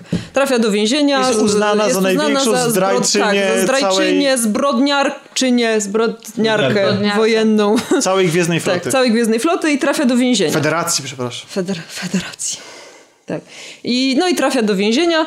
I oczywiście w międzyczasie gdzieś ten, ten transport, którym ona podróżuje, trafia na statek Discovery, gdzie jej umiejętności, powiedzmy przez kapitana, granego przez Jasona Isaacsa, yy, zostają w jakiś sposób wykorzystane, ponieważ ona, zważywszy na to, że pracowała blisko pani kapitan na, na poprzednim statku, no to ma, powiedzmy, wiedzę i umiejętności, które mogą mu się przydać, więc postanawia skorzystać z jej, powiedzmy, pomocy, no i ją troszeczkę... Te wiedzę jej tak. umiejętności to są w tym serialu przywoływane kilka razy, ona mówi wprost no przecież jestem tam inżynierem czy kimś tam, że mam, że się, mam takie wykształcenie, a nie inne, nie? To ona kilka tak, na to tylko powołuje. ja mam problem z tym dlatego, że ja strasznie nie lubię, jak ktoś mi bohatera przedstawia w taki sposób, że mi o nim opowiada, a nie pokazuje mi, kim jest ten bohater. Bo to właśnie wygląda tak, że się mówi o tym, że ona ma taką wiedzę, ona potrafi to zrobić, ale o a tym się mówi, aż dwa odcinki a tego, tak, a mieli aż dwa odcinki na to, żeby to pokazać, więc no, dlaczego, siedzi, dlaczego nie można było tego pokazać? E, dlaczego nie można było, ale no to co, siedziała przy komputerze i patrzyła. I jak tak, to pokazuje na Facebooka? Nie, bo ona, to był taki moment. Szukała jakiegoś błędu w kodzie, czy coś I to był jeden moment. Tak. I, to był, I to była też taka sytuacja, że tak naprawdę no, ona się tam w jakimś sposób musiała sprawdzić, ale to już na tym nowym statku, tak? E, więc ona, e, ja mam problem z nią jako postacią, bo ona mnie po prostu nie przekonuje do siebie. Co ona jest strasznie impulsywna, a jednocześnie inteligentna. No właśnie. I to jest to bardzo dziwne połączenie, to, jest... to znaczy bardzo często nie jesteśmy w stanie uwierzyć e, w to, co robi. No ja miałam takie wrażenie przynajmniej. Znaczy, że nie jest wiarygodnie zagrana. Nie jest wiarygodnie, bo jakby Napisana. rzeczy, bo robi bardzo niby inteligentne rzeczy, a jednocześnie ta impulsywność powoduje, że robi bardzo głupie rzeczy i to się czasem gryzie. I że trudno ją też tak do końca traktować właśnie na poważnie, przez to, że yy, ma się wrażenie, że ona zamiast myśleć o czymś logicznie, to podchodzi do tego impulsywnie, ale ostatecznie no to i tak jakoś to będzie, no bo ona to powiedzmy Oni w jakiś chyba chcieli to połączyć się właśnie to, yy, ten intelekt yy, wulkanów? Wolkan? Tak, Wolkan. no prawdopodobnie. Wolkan. E, I tą impulsywność ludzi, to o to chodziło chyba, ale to tak średnio wyszło. Znaczy mnie to do końca nie przekonuje, ale na szczęście poza nią jest bardzo wielu fajnych bohaterów, którzy mi się bardzo podobają. Mam dwójkę swoich absolutnych faworytów. Jedną z tych postaci jest Saru, który jest reprezentantem rasy Kelpien, czyli rasy, która została stworzona specjalnie na, na potrzeby Star Trek Discovery. I to ciekawe, bo, bo ta rasa charakteryzuje się tym, że są uważani y, ogólnie w galaktyce za tchórzy, ale w, jakby wynika to z tego, że oni bardzo dobrze potrafią wyczuwać niebezpieczeństwo. Tak. I, i, I, potrafią się bardzo dobrze, powiedzmy, ukrywać i, i jakoś przed tym niebezpieczeństwem bronić. E, Saru jest o tyle ciekawą postacią, że on właśnie wydaje się być takim głosem rozsądku. Ja bym go przyrównała mocno do takiego połączenia spoka i dejty tak naprawdę. Jakby budzi pozytywne emocje, jest taki bardzo ostrożny w tym, co robi, ale też e, jakby z, z jego udziałem dzieje się kilka fajnych humorystycznych scen przez to właśnie jakim e, jest bohaterem. Tymczasem. Tymczasem. Wcale nie odpowiednikiem Picarda jest kapitan statku. Kapitan statku jest postacią mocno pokręconą. Ja osobiście trochę mam z nim problem, bo to jest pierwszy kapitan, który nie wzbudza u mnie sympatii. No może, a on jest, yy, że tak powiem, negatywną postacią? Nie, on jest, on jest postacią taką troszeczkę pokręconą. Mam wrażenie, że to jest trochę próba pokazania kapitana statku w innym świetle, bo to nie jest to, że on jest ciekawe, złym człowiekiem czy złym kapitanem. Bo to jest człowiek wojny. Tak, to jest, to jest człowiek, który... W Star Treku jakby kapitan był tak, tak takim... że można go było od razu polubić i, i od razu go, tak, od razu nabierać do niego szacunku, a tutaj to jest taki szacunek połączony z taką obawą, bo nie wiesz do końca jakim on jest bohaterem, nie wiesz czego się po nim spodziewać. On kilka razy pokazuje, że jest taki troszeczkę, może nie bezlitosny, ale taki jakby gwałtowny, ma takie znaczy, cechy, wiesz, zachowuje się w taki osoba, sposób, którego dostała... się nie spodziewasz sobie po kapitanie statku, po tym, co widziało się wcześniej w Star Treku. On dostał, bo przede wszystkim jest prowadzona wojna z Klingonami. Tak. I on dostał jego statek, bo może powiedzmy sobie teraz, czym się ten Star Trek różni, bo Star Trek się od innych Star Treków. Poprzednie Star Treki nie są znane z tego, że jest tam, że to, że to jest kino akcji, że to jest science fiction nastawione na akcję, bardziej to jest kino, czy tam telewizja nastawiona na to science, na pokojowe rozwiązywanie konfliktów, na poznawanie i zrozumienie innych, e, obcych kultur. Tymczasem to some czym się różni ten Star Trek od, od, od, od, innych, bo mam wrażenie, że ten jest bardziej taki właśnie agresywny, że jest bardziej... Jest, ale też, ale też nie oszukujmy się, no trochę są realia inne, bo tak naprawdę y, jest stan wojny z Klingonami, który trwa już właśnie od dłuższego czasu i to wszystko zostało tak naprawdę rozpoczęte, może nie wywołane, ale rozpoczęte tym, tym incydentem, który właśnie widzieliśmy w pierwszych odcinkach, tak? To był taki pierwszy incydent w ramach całej tej, mhm. tej wojny, która się rozpoczęła, także y, atmosfera jest troszeczkę inna, bo jest ciągle ta atmosfera zagrożenia jednak, y, ten niepokój taki, który się wiąże z tym, że, że gdzieś tam ci, ci Klingoni się czają w kosmosie. Ale co ciekawe też, Klingoni mają dużo czasu antenowego i są przedstawieni troszeczkę inaczej niż w poprzednich serialach, bo tak naprawdę dostajemy też wątki, które się dzieją u nich. Tak, czyli tam niektórzy bohaterowie właśnie w ramach tych, tych rodzin klingońskich też powiedzmy mają swoje, swoje wątki, swoje historie, tak? Y, Mnie prawdę różne. mówiąc te wątki wciągnęły. I one są, one są bardzo ciekawe i są bardzo oryginalne, w sensie bardzo nietypowe, bo, bo do tej pory Klingonie, Klingoni byli przedstawiani troszeczkę inaczej niż, niż właśnie. Tak, no troszeczkę no, tak. Ja nie wiem, czy zwierzęta. Mi się tak. oni się bardziej kojarzyli raczej z takimi jacy, to, to, wojownikami, którzy... Tacy, tak, tacy brutalni tak. wojownicy, którzy się nie cofną przed niczym. I tak dalej. Dla nich ta walka tak, jest tak, w ogóle najważniejsza i w ogóle, nie? Znaczy oni w ogóle zostali przeprojektowani. Ja czytałam na Facebooku, że zostali w ogóle przeprojektowani przez, y, nie wiem czy kojarzycie, jest taki artysta, koncept artysta Neville Page i on między innymi projektował postaci do Awatara, do Tronu i właśnie... No, przy tym y, Awatarze to się nie natrudził, nie? przy Tronie w sumie też. przecież bardzo dużo było do projektowania. Mówisz o postaciach. Postaciach i y, stworzeniach też, też robił, ale... To był taki żart, bo Awatar ma po prostu niebieskich ludzi. Mm. No, to nie jest takie, takie proste. proste, wiem, wiem, ja po prostu nie no. lubię tego filmu. No. no, w każdym razie dlatego bardzo dużo mają też e, detali na głowach, dużo jest pokazane też wnętrz w ogóle, w, w jakim oni mieszkają. To jest tak, takie barokowe wnętrza niemalże. Tak, tak takie bardzo, bardzo bogato zdobione, tak. takie, takie, takie nietypowe powiedzmy jakieś rozwiązania architektoniczne i to wygląda wcześniej tak... tego nie było nigdy. Tak, wcześniej tego nie było. E, nawet jeśli Klingoni byli pokazywani w jakimś, w jakimś środowisku, to ono było takie raczej surowe i takie powiedzmy, żeby, żeby nam się zbyt pozytywnie nie kojarzyło. I żeby Może nie tak, przekroczyć tak, budżetu. Że, no, Tak, a tutaj, tutaj raczej budżet jest troszeczkę tak, większy. Oni są tacy też y, jakby, myślisz sobie od razu, że oni mogliby coś takiego zbudować. To jest taka jakby inteligentniejsza trochę rasa, bo tak, mieszka nawet w ładnych wnętrzach. wnętrzach, czyli co mają poczucie gustu. Tak, więc, więc bardzo mnie ciekawi właśnie to podejście do, do Klingonów w tym nowym serialu i to jest jeden z powodów, dla którego na pewno będę śledzić dalej tą całą historię, no bo... bo tam są zwroty akcji, zdrady. Tak, i to jest, to jest, to jest takie romanse. nietypowe, jeśli... Romanse. No i oni się też różnią wyglądem i charakterem tak. jakby e, wśród swojej rasy prawda? Tak. Też, to nie jest tak, że jak Klingon to zły Klingon, brzydki Klingon i tyle, tylko w ramach no, powiedzmy... Są nie, no w, w, mieliśmy w New Generation mieliśmy dobrego Klingona, który służył dla Gwiezdnej Floty. Tak, jednego. więc tak, więc, więc mamy stan wojny, no i też... Yy, też bohaterowie są inni niż w tych czasach pokoju New Generations czy innych Star Treków, to bo y, tak jak powiedzieliśmy tutaj o, o kapitanie, który jest kapitanem wojny bardziej i on dostał dyspozycję, że wszelkimi możliwymi sposobami musi znaleźć sposób sposobami znaleźć sposób, w jaki sposób wygrać tą wojnę po prostu, w jaki sposób przezwyciężyć Klingonów, znaleźć może broń albo jakikolwiek, inne, mm, jakikolwiek inny sposób i się okazuje, że taki sposób jest. Tak, i tutaj, tutaj pojawia się, znaczy no nie powiemy, ale to, jest chyba trzeci odcinek czy czwarty. I tutaj pojawia się moja druga ulubiona postać, tak naprawdę. To jest bohater, to jest porucznik e, Paul Stamets, który e, tak naprawdę przy okazji jest też e, bioinżynierem tam właśnie na, na statku Discovery.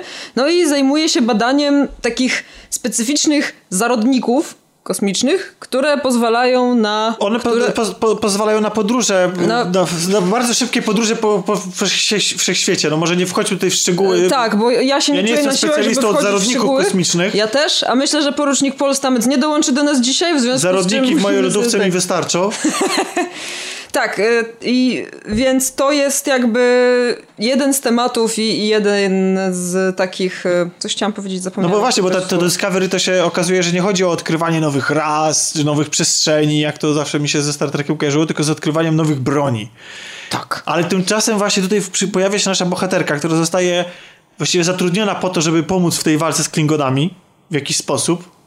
Tymczasem ona i tutaj dochodzi do niej e, jej, jej natura, jej porywczość, albo może inaczej, antysystemowość, taka pewna buntownicza natura, bo ona z kolei działa wbrew trochę, stawia się i próbuje znaleźć e, ale to też nie jest tak, że ona się stawia, żeby walczyć z systemem, ona się stawia, znaczy trochę bo tak... Widzi, że system źle działa. Tak, ona się stawia po to, ona się stawia w słusznej sprawie, może tak, bo tak. ona wierzy, że y, sytuacje, w których się stawia y, są powiedzmy źle rozgrywane, no i chce po prostu zadziałać w taki sposób, żeby wszystko się dobrze skończyło ostatecznie, tak? I to samo próbowała zrobić właśnie na pierwszym statku, na którym służyła, tylko niestety właśnie w wyniku tego została osadzona w więzieniu. Ja chciałem was zapytać o to, jak waszym zdaniem rozkładają się te akcenty akcji, tu też wojny, motywy wojny i te motywy, bo serial też skręca tutaj czasami w stronę moralizatorstwa, skręca też e, w stronę tą naukowości i tak dalej. E, jest taki troszeczkę bardziej dydaktyczny może, nawet jeśli to robi to bardzo topornie, ale jak, jak według, chciałem zadać to pytanie, jak według was się rozkładają te akcenty? Ale prawdę mówiąc, to ja nawet yy, nie wiem, jak moglibyście na to uczciwie odpowiedzieć już od razu, to zakładam, ponieważ serial się bardzo mocno zmienia, jak w ramach, y, jak, jak tak. przebiega fabuła. Znaczy, ja mam wrażenie, że są, kolejne odcinki. są dwa odcinki, potem są dwa odcinki, potem jest jeden odcinek. Ja nie mówię, że to jest coś złego, bo myślę, że to jest y, przypadku, w którym... Nie chodzi tutaj o fabułę, tylko, bo ta jest ciągła, tylko chodzi tak, to... chodzi, chodzi o klimat i taki jakby sposób prowadzenia akcji też, tak. tak. Myślę, że można to policzyć zarówno jako wadę i zaletę tego serialu. To nie jest taki typowy Star Trek, jakiego znamy, ale też ma w sobie bardzo dużo z tego Star Treka, którego znamy.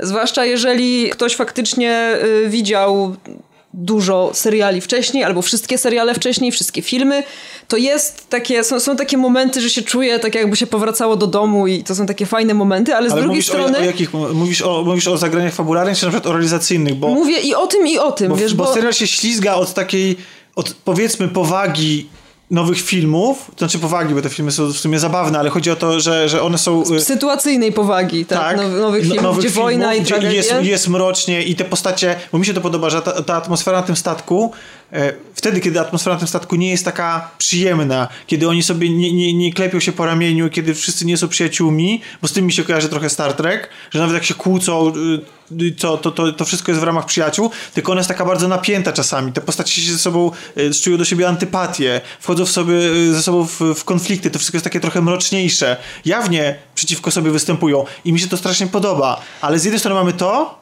a z drugiej strony mamy czasami tą kiczowatość Star Trekową. To, to... Tak, znaczy trzeba jednak pamiętać o tym, że Star Trek jako seria, nie mówię tu o serialu, tylko ogólnie jako twór, jest na swój sposób kiczowaty i albo, albo się go lubi dlatego, że na tym polegał jego urok, albo kogoś to denerwuje. I jakby no, ja od samego początku kupowałam te konwencje, więc mi to nie przeszkadza ale znam ludzi, którzy lubią Star Treka tak jak ja i im to przeszkadza, więc to, to też nie jest tak, że każdemu to, to przypasuje.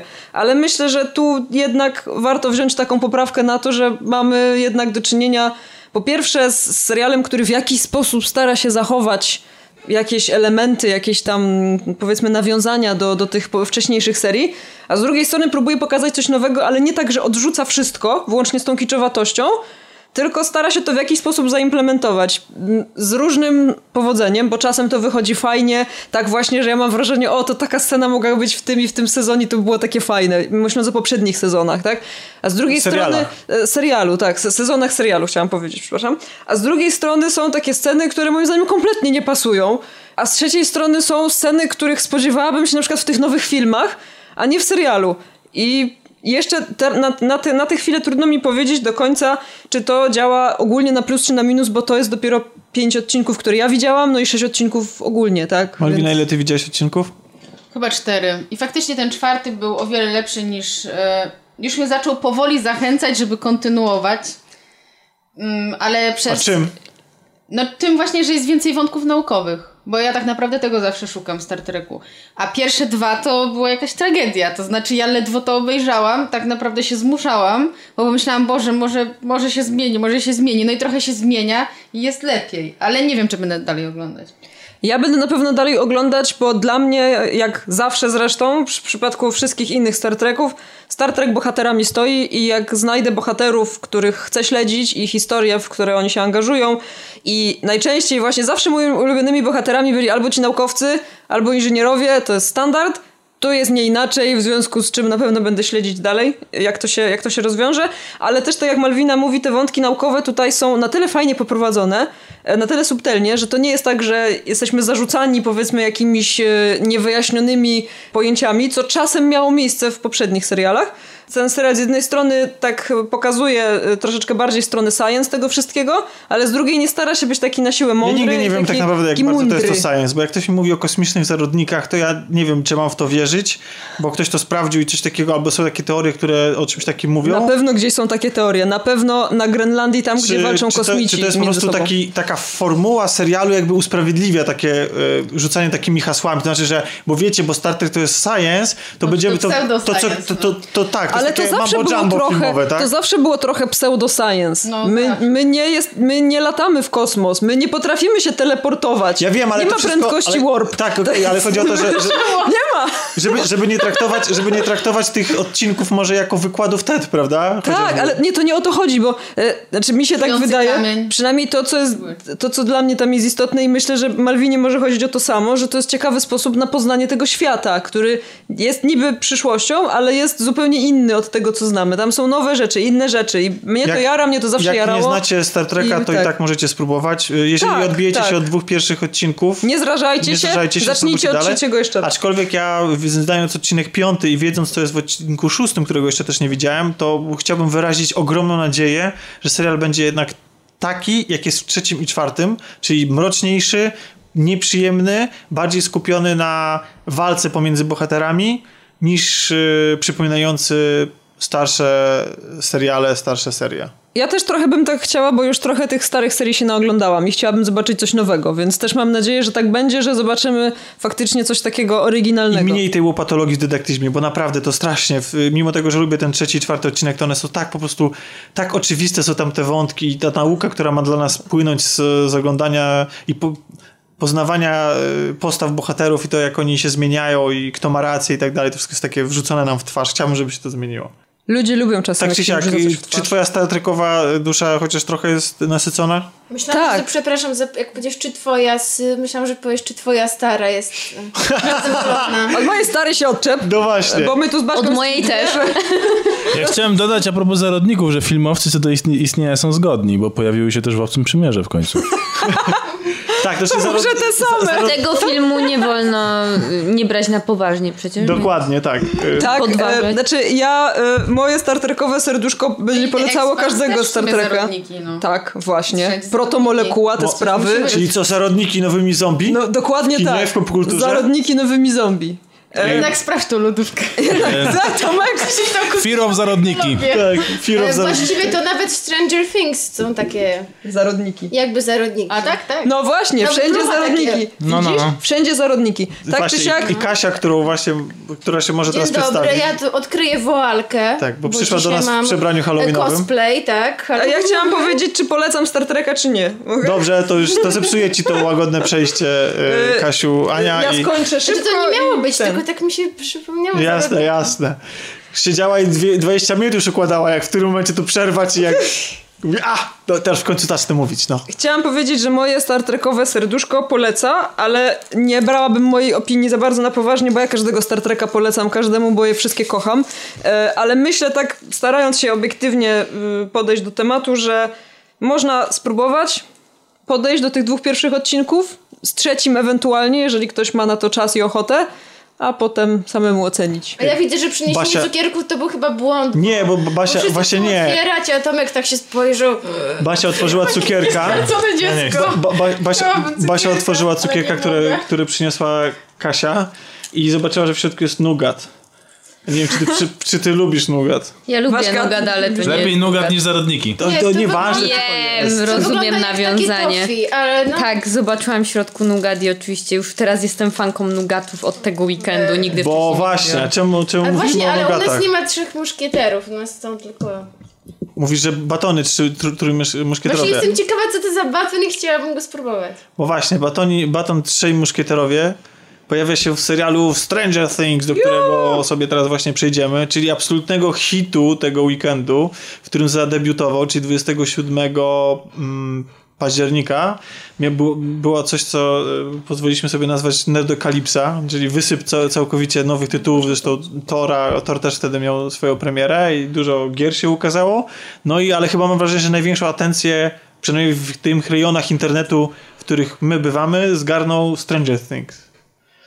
Dwa. Bo to jest ciekawe, że chociaż to jest serial. Myślę, że w różnych Netflixa, rejonach internetu. Jakbyśmy wyszli y, tak, to, ale to jest ciekawe, że on oficjalnie, znaczy tak przynajmniej widać, przynajmniej na plakatach, nazywa się Stranger Things 2 z taką dwójką charakterystyczną jak dla filmów z lat 80. Jakby to był sequel, ja a nie drugi sezon. że musimy iść, bo mamy autobus zaraz. Dobrze. E, a skoro ja już powiedziałam o Star Treku, tak. a nie chcę słuchać o Stranger Things, bo nie oglądaliśmy. Znaczy, nie obejrzeliśmy całych. Widzieliśmy cztery odcinki. Dobrze, to pożegnajcie się proszę w takim razie ze słuchaczami. Dziękujemy bardzo za uwagę. Trochę Dziękujemy. Trochę nie. Dziękujemy, tak, papa. Żegna się Ania. Papa, live long and prosper. I Alek. E, ja również Chciałam tego życzę. po klingońsku, ale zapomniałam. To my dzisiaj taką y, podmiankę. Ja myślę, że ludzie, którzy nie widzieli pierwszego sezonu, to powinni go po prostu zobaczyć, bo jest to jedna z lepszych rzeczy na Netflixie. Zwłaszcza jesteście, jeżeli zahaczyliście w jakikolwiek sposób swoim wiekiem o lata 80. albo jesteście wychowani na tamtym kinie, to jest serial, który absolutnie oddaje hołd y, kinu nowej przygody, czy w ogóle temu, co się działo w latach 80. całej popkultury e, ówczesnej i jeżeli nie widzieliście tego serialu w ogóle, to będziemy tu teraz sypać spoilerami z pierwszego sezonu, bo ja nie wyobrażam sobie, żeby w ogóle cokolwiek powiedzieć o drugim sezonie, jednocześnie nie odwołując się do tego, co się wydarzyło w pierwszym. Więc e, jeżeli ufacie nam na słowo bez wyjaśnienia, czym to jest, a jakimś cudem się uchowaliście i nie wiecie, czym jest ten serial, to powinniście absolutnie po niego sięgnąć, prawda? Prawda, zgadzam tak, się. Tak, więc e, zapraszamy później po obejrzeniu, bo jestem pewny, że jak wsiąkniecie w pierwszy sezon, to natychmiast e, to natychmiast sięgniecie też po drugi i trochę wam, szczerze mówiąc, zazdroszczę, że będziecie mogli sobie zrobić taki długi maraton i, i wtedy zapraszamy z powrotem. A my przechodzimy tymczasem do, do, do drugiego sezonu. A w ogóle na początku sobie ustalmy, jak wam się, poleciliśmy co prawda, ale jaki macie stosunek do Stranger Things? Ale to już mamy oceniać tak na początku? Ale nie drugiego sezonu, tylko w ogóle do tej marki. Yy, znaczy no... Bo, bo, ludzie strasznie na niego czekali, on po prostu zebrał, zgarnął masę atencji.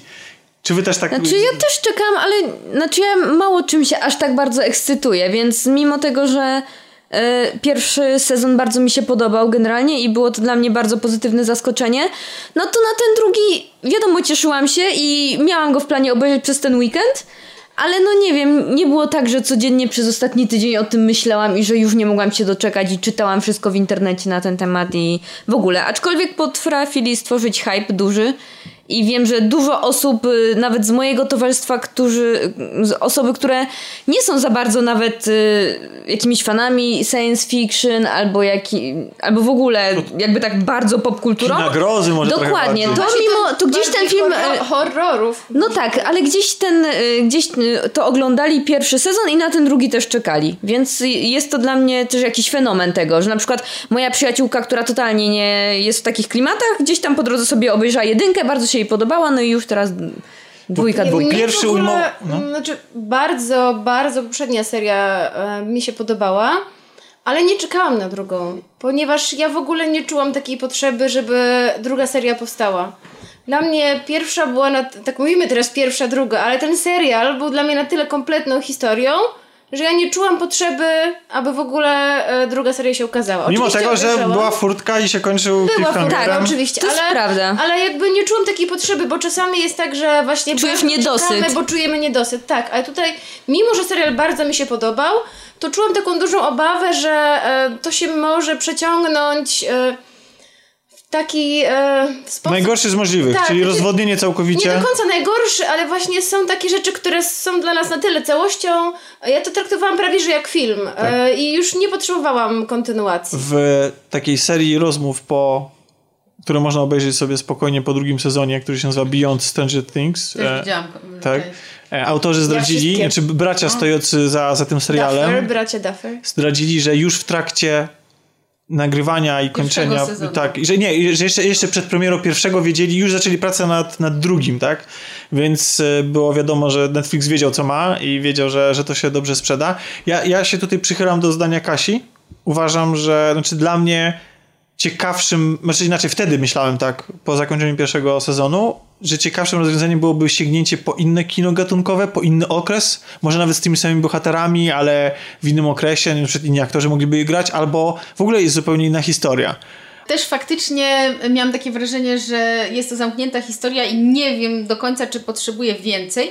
Na pewno bardzo interesowała mnie sama postać e, Eleven, e, czyli jedenastki, tak? E, nastki. Trochę jest powiedziane skąd ona się bierze, ale bardziej byłam właśnie ciekawa, jak ona się odnajdzie w społeczeństwie, bo... Ale wiesz co, ona, ona na końcu się poświęca. I, tak. dla mnie, I dla mnie to było piękne zamknięcie jej, jej wątku. Ona była takim... Ale jednocześnie w pierwszym sezonie mamy powiedziane, że ona nadal yy, no tak, żyje, więc... Tak. Była Prometeuszem więc albo Chrystusem. On, tak, ona mnie najbardziej interesowała i faktycznie w drugim sezonie bardzo dużo jej wątku dostajemy, więc dlatego byłam szczęśliwa. Ale jeszcze Basia poruszyła e, ciekawy temat, e, mianowicie dużej popularności tego serialu poza kręgami osób, które Nerdów. Zwykle, Właśnie nie chciałam mówić poza e, kręgami nerdów, ale o to chodziło w sumie. Nerdów, geeków. No, Możesz też to, to jest dla nas serial, to jest ale dla takich ludzi co? jak my. E, nie, ale właśnie chodzi nie, o, nie. Chodzi tutaj, nie. myślę, bardziej o kwestię nie zainteresowań, tylko pokolenia. Pokolenie, Bo tak. ten kwestie, serial tak. bardzo dobrze eksploatuje symbole właśnie, które dla nas są bliskie, czyli kino lat 80., i produkcje z tamtego okresu. Zresztą mówiliśmy już o tym przy okazji e, pierwszej serii.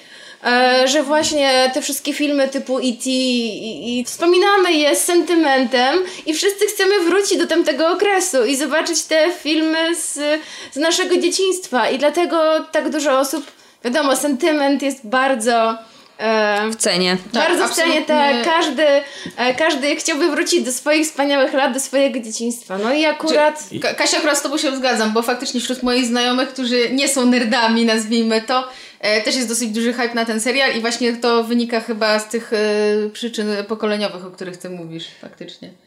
Znaczy, dla mnie on jest, to jest, to jest zaskakujące, bo z jednej strony faktycznie może, może, to, może to, to jest kwestia pokolenia, ale on jest strasznie nerdowy ten serial. On jest, on jest, on jest od początku, on się otwiera i zamyka klamrą gry RPG papierowej, gdzie nawet, ja nie wierzę, zwłaszcza w Polsce na przykład, żeby w latach 80 ludzie hurtowo, dzieciaki grały w gry papierowe e, RPG, bo to jest bardzo nerdowa rzecz i właściwie te, cały, cały serial faktycznie jest, później się odwołuje bardzo mocno do, do tropów, do takich charakterystycznych motywów, które się pojawiają w kinie e, przygody, w kinie dziecięcym, dziecięcym przygody, w kinie grozy. Um, tylko, że to są rzeczy, o których właśnie my nerdzi pamiętamy zazwyczaj a, a ludzie spoza naszego Ale kręgu... Nie, nie, nie, nie, nie sądzę. Nie. Znaczy, to nie są lata 80., że ja jest myślę, Madonna że... na przykład, prawda? To są lata 80., że, że, że bohaterowie, nie wiem, no, wyglądają jak bohaterowie Goonies. No. Ale wiesz o co chodzi? To nie chodzi tylko o to, to też chodzi o modę, o rzeczy, które o się posiada. To jest prawda. Tylko mi się wydaje, że po prostu na przykład, nie wiem, ty Tomek więcej zobaczysz w tym serialu po prostu. I na przykład tak jak dla przykładu dla tej mojej przyjaciółki na przykład to, że oni sobie tam grają właśnie w jakieś y, papierowe gierki, to dla niej to są papierowe gierki, a ty sobie coś więcej na ten temat pomyślisz, coś sobie przypomnisz tak i jest fajne. Każdy I, innego. Dokładnie. I dla nich to też jest wystarczające, a dla nas to są jeszcze takie, no może nie easter eggi, ale wiecie, w sensie jakieś takie dodatkowe rzeczy. A, a propos Demopsy. Tak. Demopsy. O Jezu. A Demopsy. A propos kwestii pokoleniowej, e, to moi rodzice uwielbiają seriale właśnie takie science fiction, grozy i tego typu, a po Stranger Things nie sięgnęli. A oni po prostu oglądają hurtowo tego typu produkcje. A czy to był taki grozy e... serial? Znaczy, tak, pierwszy tak, sezon, tak. A, słuchajcie, pierwszy jednak, sezon tak. E, ci moi rodzice nie, więc, bo oni nie są tym targetem, oni nie wiążą bo żadnego sentymentu właśnie z latami 80 O to chodzi. Ja wiem, moja, mojej mamie się ten serial bardzo podoba. Ale być może moim też by się spodobał. Chodzi o to, że nie sięgnęli w ogóle po niego. Nie zainteresowało mhm. ich to ten cały marketing nie trafił do nich zupełnie. A, no to tak, nie trafił, bo z mojego polecenia jakby mama zaczęła oglądać, mhm. więc faktycznie, no, o to chodziło. Mhm. Dla mnie to była wycieczka w lata 80. Stylistycznie te różne tropy i te motywy i tak dalej. I to był taki pomnik wystawiony tamtej stylistyce, bohaterom i, i naszym wspomnieniom, naszej nostalgii. Ja tak naprawdę nie czułem się członkiem tej społeczności jako widz, w sensie społeczności tego miasteczka to nie było tak, że ja e, chciałem, oczekiwałem dalszych losów tych postaci. One odegrały dla mnie pewną rolę. Mało tego, ja nawet, ja nawet tą klamrę, która jest, czyli tę, grę papierową RPG, traktowałem nawet jako sposób na interpretację tego, co się wydarzyło, że być może to się w ogóle nie wydarzyło, a wszystko jest po prostu grą, grą i zabawą tych dzieciaków. Bo przecież tak naprawdę y, oprócz matki i paru dorosłych, to właściwie całe miasteczko nie ma pojęcia, co się wydarzyło i co, co jemu zagrażało i tak dalej. Powiedziałeś, że nie czułeś potrzeby, e, znaczy i nie, nie byłem... do tego miasteczka, bo nie czułeś się z nim związany. Tak, nie, to nie, nie, nie chciałem śledzić dalszych losów tych bohaterów. No właśnie, ale ja myślałam, że też nie. Ale kiedy w drugiej serii, w jednym odcinku akcja wychodzi z miasteczka, byłam bardzo niezadowolona i natychmiast tak. chciałam tam wrócić i czekałam, kiedy akcja wróci. Stwierdziłam, no, no hello, nie chcę oglądać akcji poza miasteczkiem. Tak, nie, to nie, bo, bo, później, bo, tak, bo ja... Tylko nawiązuję tak. tylko do tego, tak. że wydawało mi się, że nie jestem z nimi związana, a jednak... Jesteś, no właśnie. Jestem. autorzy nas jednak zabrali z powrotem e, w znajome rejony. Wracamy do miasteczka Hawkins i spotykamy naszych bohaterów e, starszych, czy w tym miejscu, w którym... E, rok później. Rok, rok, rok, rok Nie starszych. cały rok później, tak. przed rocznicą. I co, zaszły w ich życiu spore zmiany, czy nie? Fizyczne nawet, bo dzieciaki urosły. Niektóre bardzo się zmieniły. No, to w tym wieku to chyba... Nie wiem, ja specjalnie tego nie zauważyłam. elektroniczne, a nie papierowe. To znaczy, tak. nie no, jak... Chodzi do salonów gier, wideo. E, jeden z głównych bohaterów, Will, Will? Tak, ten e, przyjaciel najlepszy tego chłopca, który był głównym bohaterem pierwszej To Mike. Majka. Mike. Nie, Mike, Mike był głównym o bohaterem. O którym mówisz? O, nie, Will był głównym. Bo... Znaczy właśnie znaczy, kogo mam za głównego bohatera. Will to jest ten, który zaginął. Tak. Mike to jest ten, Jego który. przyjaciel. Mike. W ogóle który był kreowany na głównego bohatera. Nawet ja mam straszny Ponieważ... problem z rozróżnieniem ich. Oni dla mnie wyglądają prawie tak samo. No co ty? E, ponieważ nie. uczę dzieciaki, to naprawdę widzę takie różnice. Dostrzegam to i widzę, że ten Mike straszliwie wydoroślał i urósł, a już nie wspominając o L. O. O L, tak, no, ale to. powiedzieć można. Tak, jasne, ale no nie, no wiadomo, na plakacie tak, L wraca w tym serialu też jej Oczywiście historię poznamy. w nich także bardzo duże zmiany. Nie wszystkie mi się podobają. Psychologiczne. E, ponieważ e, Mike, o którym zaczęłam już mówić, e, w pierwszej serii był bardzo na pierwszym planie, był bardzo przebojowy, wpadający na różne nietypowe pomysły. Wielokrotnie jego pomysły ratowały z innych z opresji. A w tym sezonie, oczywiście no jest to prawdopodobnie wpływ różnych przeżyć, staje się takim smutnym chłopcem. Właśnie jest go bardzo mało. To znaczy wiesz, no on, na, na, początku przynajmniej faktycznie, no bo wiesz, on przede wszystkim stracił L, on był z nią najbardziej emocjonalnie związany. To też tam był sugerowany tak, romans. Znaczy więc... to wycofanie jest jakby wytłumaczone, aczkolwiek no i tak ale jest ono bardzo Troszkę duże. do przesady bardzo może. Duże. Bardzo tak. po prostu jego postać traci na tym bardzo. Znaczy, no ale, ale z kolei na pierwszy plan wychodzą inne postacie z pozostałej, pozostałej y, pozo, Na pierwszy plan wysuwa, wysuwają się perłowe ząbki. Perłowe ząbki, tak. Nie, tak. To jest fajne, bo dużo o nim było powiedziane w pierwszym se sezonie, a teraz mówimy więcej o innych i ja jestem szczęśliwa z tego powodu. Tak. Czy tak, ale chodzi mi o to, że mm, nie, nie jestem pewna, czy do końca jest zachowana konsekwencja po prostu yy, charakteru, w, tak? Tak, charakteru mhm. tego bohatera, który miałam wrażenie, że był przebojowy. Ale wiesz, on najwięcej stracił. I on, on, on mhm. stracił, y, dlatego w, w, tym, w tych rozmowach, które można oglądać, tam bo wspominają, charakteryzują jego postać y, jako tego, który się przybliża bardziej do Majka, on się z Majkiem zbliża, tak, bo też się czuje wycofany. No, ja, ja, ja to tak. w pełni rozumiem, ja dlatego, też. że on stracił L to była, y, nie wiem, jego miłość, jego, jego zauroczenie, no to jego przyjaciółka, no to była ktoś mega ważny i to jest osoba, która się dla nich wszystkich poświęciła. Tak, i też nie czuje się dobrze w grupie, mhm. ponieważ e, pojawia się nowy członek. Członkini. A bardziej członkini. A pretendentka. E, I Mike tak, szczególnie z powodu swojego przywiązania do L, boi się, że będzie chciała ona zastąpić miejsce. Tak jedenastki. A tutaj nasi bohaterowie nie są zgodni co do tego, kim właściwie ta nowa członkini miałaby być, bo mówimy tutaj o Max. Max. Tak. Mad Max. Mad Max. Tak. Pseudonim Mad Max. Pseudonim Mad Max.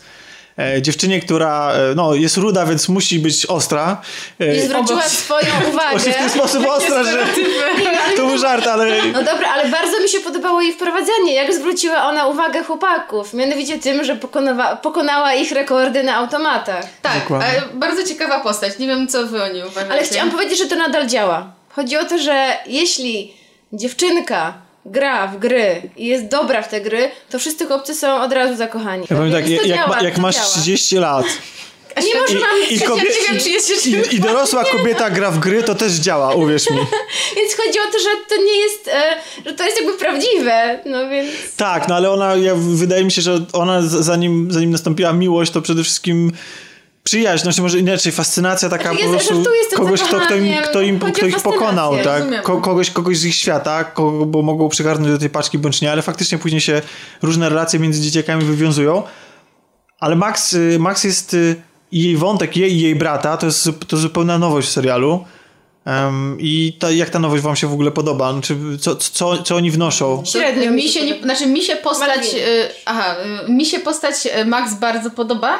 E, bo jest takim, to jest taki delikatny wątek feministyczny, trochę taka rebelia. E, Charakterna bardzo. Bo ona jest bardziej, najbardziej hardkorowa z nich wszystkich, tak, tak w cudzysłowie, ile można mówić o hardkorze w wieku 14 lat. Czasem, czasem tak jakby widać w niej jednocześnie uczucia, bo jakby e, no tą agresją, może nie agresją, ale tym buntem Złością próbuje jakąś, no. się obronić przed tym, że ją tak naprawdę nie chcą, nie chcą jej do końca w tej grupie.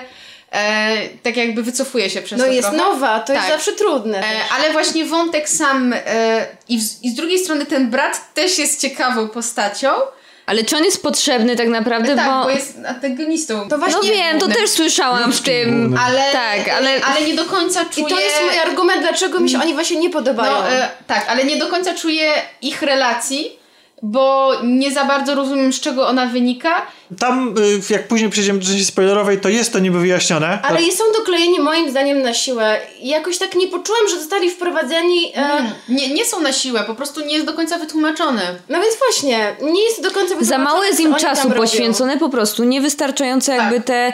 Jest wątek zaczęty, który może teoretycznie miałby potencjał, szczególnie w jego przypadku y, brata, tak? No bo tak jak mówię, o Max już coś więcej jednak wiemy i, i więcej czasu jej było... też na przykład tak. ciekawy. Jej było więcej czasu poświęcone poświęcony, jemu za mało i dlatego mam jakiś niedosyt i mamy wrażenie, że jego postać no i, mogłaby być zbędna. I on się też wydaje troszeczkę taki jednowymiarowy, prawda? Bo Absolutnie, narcyzm, tak. y, ale, ale, wydaje mi się jakby... Ale nie do końca, bo w momencie, kiedy wyjaśnia się trochę więcej o jego, rela jego relacje rodzinne, no to myślę, że zaczynamy tak. troszeczkę go rozumieć. No właśnie, no, właśnie, dokładnie. I właśnie tego mi brakowało. Ja i właśnie chyba doszliśmy do tego momentu, drodzy słuchacze, przepraszam, bo ja lubię strasznie usystematyzowane dyskusje i takie, gdzie jest oddzielone od siebie poszczególne części, ale chyba tym razem będę musiał sam sobie wbrew sobie postąpić, jakoś to może zniosę. Mianowicie, wydaje mi się, że trochę późno to ostrzeżenie, ale nie, chyba się nie da rozmawiać o tym serialu bez spoilerów. Wydaje mi się, że, że, że ten, jeżeli ktokolwiek widział pierwszą, pierwszy sezon, to wie, czy mu się podobał ten serial, czy nie i czy ma sięgnąć po, po drugi i że nas słuchają już ludzie, którzy ten, ten, ten sezon obejrzeli, bo e, mówienie o, wiecie, bo teraz tam są jednak masę zniuansowanych rzeczy i o, ci bohaterowie ze sobą wchodzą w ciągle w interakcję, zwłaszcza, że ten, ten sezon w ogóle to pogłębia i rozszerza. Wydaje mi się, Dużo bardziej skupia się na relacjach między tak, bohaterami. I tak. myślę, że może po prostu powiedzmy, że będziemy rozmawiać ze spoilerami. E, na pewno nie warto zaczynać tej historii od drugiego sezonu. E, więc jeżeli w ogóle słuchacie i nie znacie tego serialu, to absolutnie wróćcie, obejrzyjcie pierwszy, obejrzyjcie drugi sezon, bo mi się wydaje, że nawet jeśli tutaj będą padały różne słowa i oceny, co do niego to absolutnie warto. To nie jest tak, że to jest jakaś zła telewizja czy coś takiego.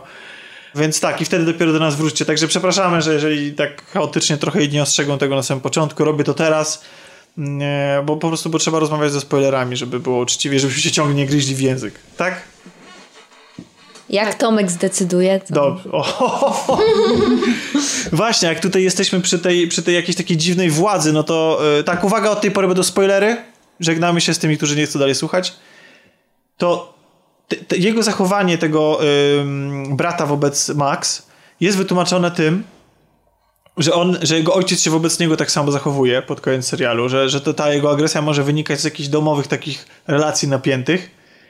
Natomiast mi się wydaje, że jego postać była raczej potrzebna do tego, żeby może w max uruchomić pewne e, takie pokłady odwagi. Ona w sprawie co prawda jest odważna, już wcześniej jest taka zadziorna, ale ona jawnie występuje przeciwko temu bratu, przeciwstawia się tak. mu. No w pewnym momencie I już to, bardzo mocno. I to dopełnia te wątki feministyczne, o których ty mówiłaś. W sensie, że ona się staje jeszcze bardziej taka znaczy mówimy o wątkach feministycznych no, w przypadku trzynastolatków, no ale e, tak, że staje się jeszcze bardziej taka niezależna od niego, bo ona jest przez niego strasznie stłamszona. I to jest re relacja chora, toksyczna bardzo, bo to jak on się wobec niej odnosi, to jest jakiś absurd.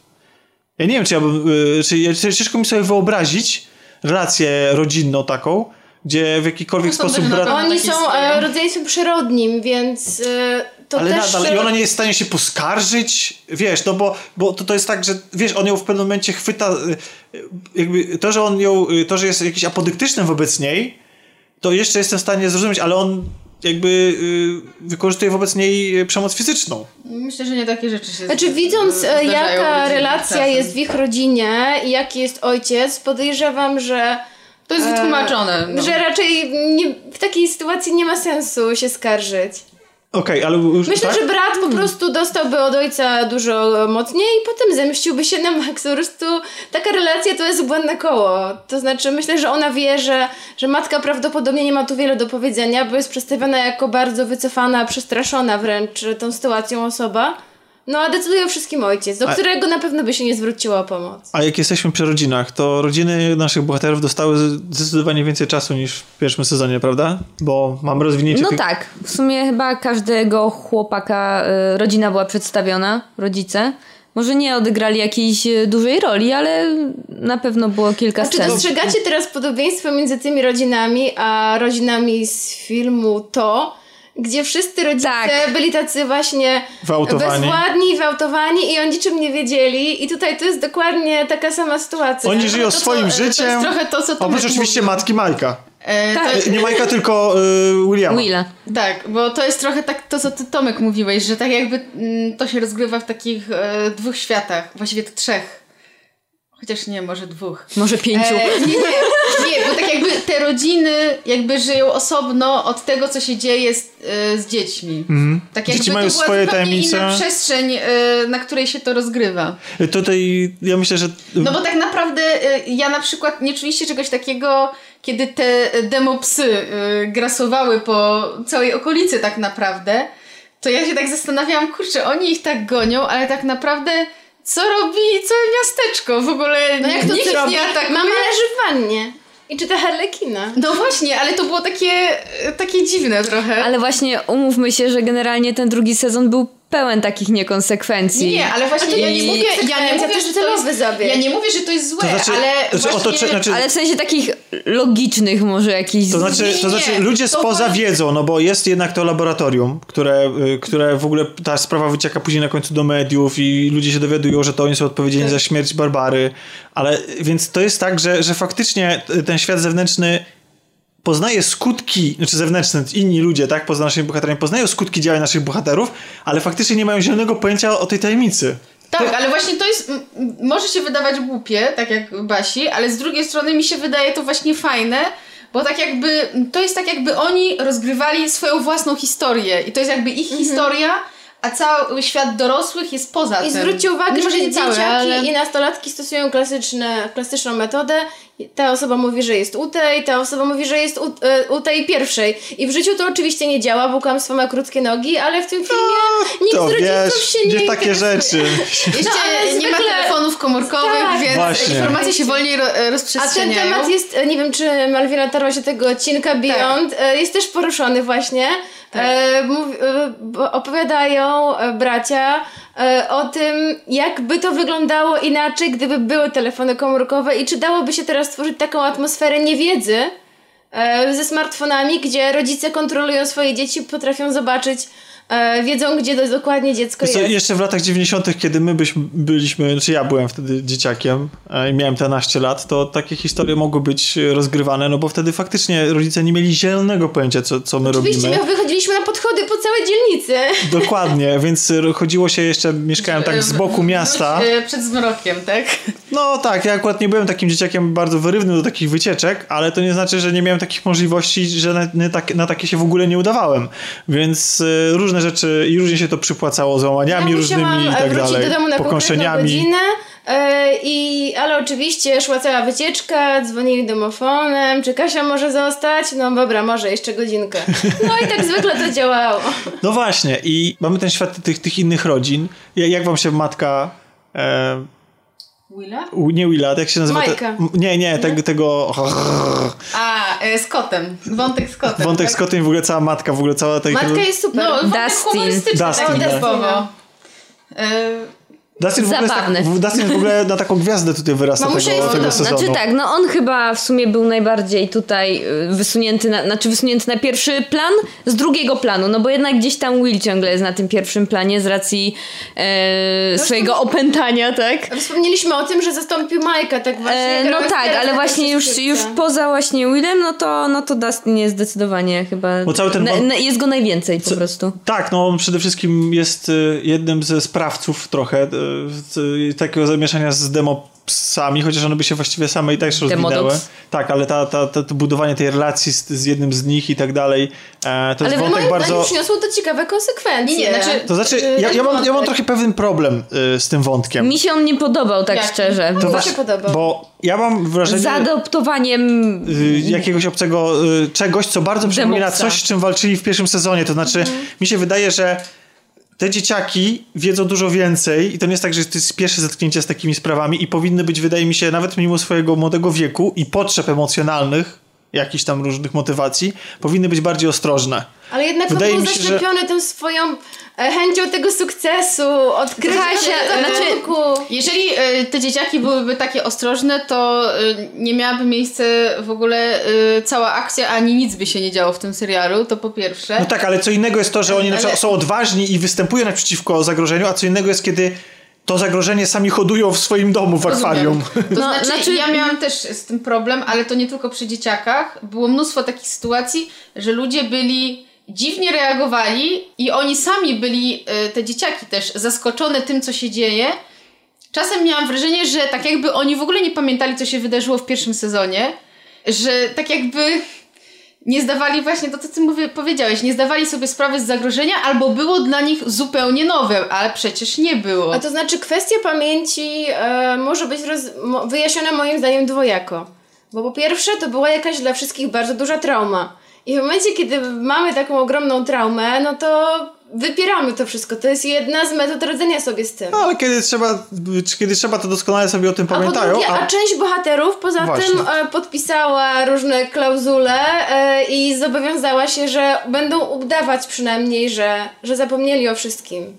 Ale nie wszyscy, zapom- nie, zapom- nie wszyscy zapomnieli, bo mamy Nancy, która cały czas przeżywa traumę związaną ze Nancy śmiercią i mama Barbary. Willa tak naprawdę i Will. To no, no, są jedyne no tak, tak, postacie, tak. które mocno są... No i Mike. E, pamiętają. A, ale jak no jesteśmy przy Nancy, to chciałbym pociągnąć trochę jej wątek. Jej e, dramat związany z wydarzeniami z pierwszej części i to, jak ona się zachowuje wobec swojego chłopaka, który nagle z, z głównego złego ludzkiego w poprzedniej części przystacza się e, w super dobrego chłopaka w tej, takiego, którego zaczynamy lubić. To było takie trochę dziwne, prawdę mówiąc. Ten znaczy, w sensie, mi się nie podoba. To znaczy... Yy, Ale znaczy, w sensie chodzi ci o przemianę tego chłopaka, czy o Nancy? Wiesz co, przemiana tego chłopaka... Bo ona się zaczęła mnie... już w poprzednim sezonie, więc to nie jest znaczy, takie totalnie wiary, gdzieś tam wiarygodne, Bo to Steve, tak? Tak, yy, Steve. No więc dla mnie to, że Steve stał się dobry jest okej, okay, bo yy, tak jak twórcy mówili w tym, w tych rozmowach Beyond, że to, było, to jest postać, która szuka siebie. Więc pod wpływem wydarzeń, gdzie on pomaga chłopakom w, pierwszej, w pierwszym sezonie, E, no i jakby cały czas jest e, Nancy i tak dalej i to, to, to mogło go zmienić i sprawić, że on y, staje się jakby porzuca tą złość wobec świata, czy agresję wobec innych i tak dalej. Ale ona odpłaca mu się tym, że go bezczelnie zostawia. Znaczy bezczelnie. Nie, ale ona, to się, z nią dzieje się to samo, co z nim. To znaczy ona szuka siebie, bo ona nie jest pewna, czego chce do końca. Wydaje mi się, że w pierwszej A mi było części... strasznie smutno z tego znaczy, powodu, mi też było, ale rozumiem. No, Czy wiecie co, w pierwszej... Wydaje mi się, że w pierwszej serii ona... E, była jeszcze przedstawiona jako taka płytka nastolatka, której zależy na popularności i na byciu z najpopularniejszym kolesiem w szkole, królem balu, najlepszym sportowcem a też pod wpływem właśnie wydarzeń z pierwszej części ona mądrzeje. I tak jak powiedziała Malwina, odkrywa siebie e, i wydaje mi się, że zauważa, że, że Steve to trochę za mało. Tyle tylko, że te, moim zdaniem to nie zostało dostatecznie wytłumaczone. Jedyna scena, która to pokazywała tak średnio, to była ta scena, gdzie on pokazuje jej jakieś wypracowanie, jakąś, mm, jakiś esej, który chce prawdopodobnie wysłać na uczelnię. Ona mu poprawia i z jej miny wynika, że ona jest taka zdegustowana tym, że on nawet nie potrafi sprawnie napisać eseju i że co ja w ogóle z nim tu robię. Ja jestem ponad to. No tak, bo wcześniej y, to co? Ona chciała być z nim, dlatego że on był popularny, bo ona chciała popularności. To była jej jedyna A ambicja. teraz y, on jej niczym nie imponuje. No właśnie o to chodzi. A y, z Jonathanem to tym bardziej jeszcze bardziej jej nie lubię. Łączy ją trauma z Jonathanem i to jest ktoś, kto właśnie jej imponuje pod różnymi względami. No i oni byli faktycznie, to jest tak, że to, to ja po prostu no, byłem gdzieś tam zawiedziony, że oni nie skończyli razem pod koniec e, pierwszego sezonu, no bo oni są faktycznie, jak na nich się patrzy, nawet fizycznie są do siebie strasznie podobni. Ja nie wiem, czy oni nie są parą w ogóle w e, ja świecie rzeczywistym. Ja że to było zaplanowane pewnie przez braci, skoro miał powstać drugi sezon, Może. więc na pewno mieli się zejść właśnie w tym drugim. Nie, nie, ale chodzi mi o to, że oni, że ci aktorzy, czy oni się razem ze sobą nie spotykają, ale w każdym razie jakby oni do siebie idealnie pasują, fizycznie jakoś tak po prostu dobrze wypadają. Natomiast ten ich romans w tej części, w, w tym sezonie, jest z kolei tak poprowadzony. Ja nie widzę między nimi żadnego uczucia. Jest scena łóżkowa, po której następuje zupełna obojętność. Znaczy nie wyobrażam sobie, żeby po nie wiem, pierwszym seksie z partnerem, następnego dnia nie być super, mimo że No ona jest, dzieje, ona jest zadowolona, bo, bo w ogóle cała ta dobra, sytuacja... Ciekawa jestem, Kasia, czy jakbyś walczyła z demopsami, to też byś No tak dobra, no ale nikt potem się do niego nie roz, nawet nie przytula, nawet się nie podsmoknął w policzek. To znaczy, to? to znaczy nie dla ma mnie, czasu, Kasia. Dla mnie, Właśnie, nie, tam się ważą losy świata, tu o romansach i o przytulaskach. Ale, te, ale te, właśnie jak jesteśmy przy tym śniadaniu i przy takiej wizycie u tego tego właśnie. Tego odkrywacza prawdy. Cały ten w ogóle... Ja ten... nie lubię tego wątku, dla mnie on był nudny. Taki. Czy mówisz o tym człowieku, który szuka, yy, który, który szuka sprawiedliwości, który chce odkryć prawdę, tak.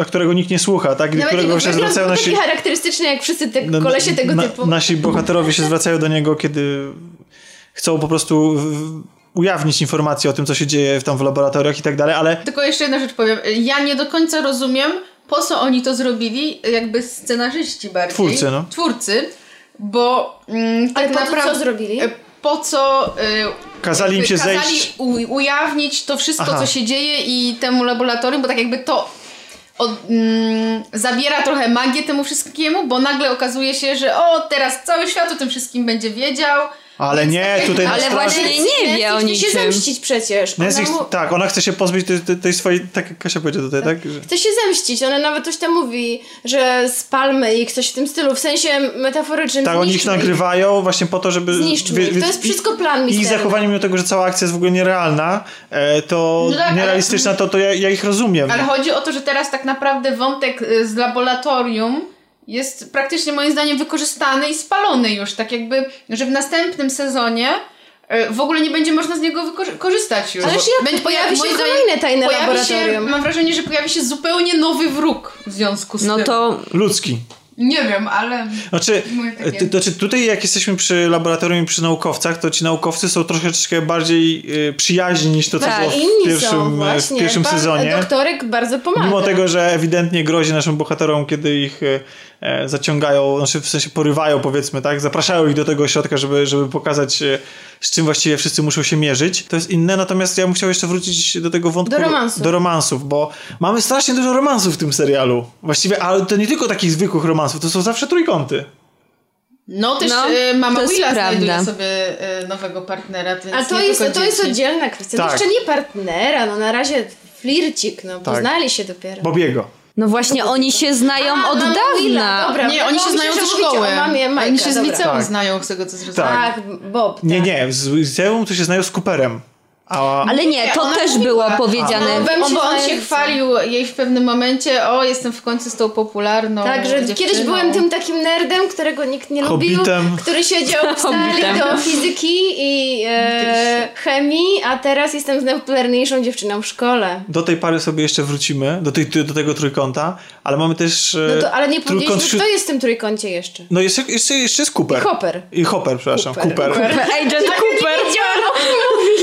Agent Przepraszam. Cooper. tak, e, jest Cooper, e, czyli policjant, tak. szeryf. E, natomiast zostawiając ich na chwilę na boku, a wracając do dzieciaków, no to mamy główny wątek romansowy jest pomiędzy Mad Max, pomiędzy Lukasem i Dustinem. I Dustinem. I też jest on taki strasznie dla mnie na siłę. To znaczy w sensie, o ile, o ile Dustin to jest Dlaczego? czarnoskóry, czy... Nie, Dustin Lucas. to jest ten z ząbkami. Ząbki. Czyli o, o, ile Lukas z Mad Max wypadają moim zdaniem bardzo naturalnie i to jest fajnie, w ogóle strasznie im kibicowałem i tak mhm. dalej.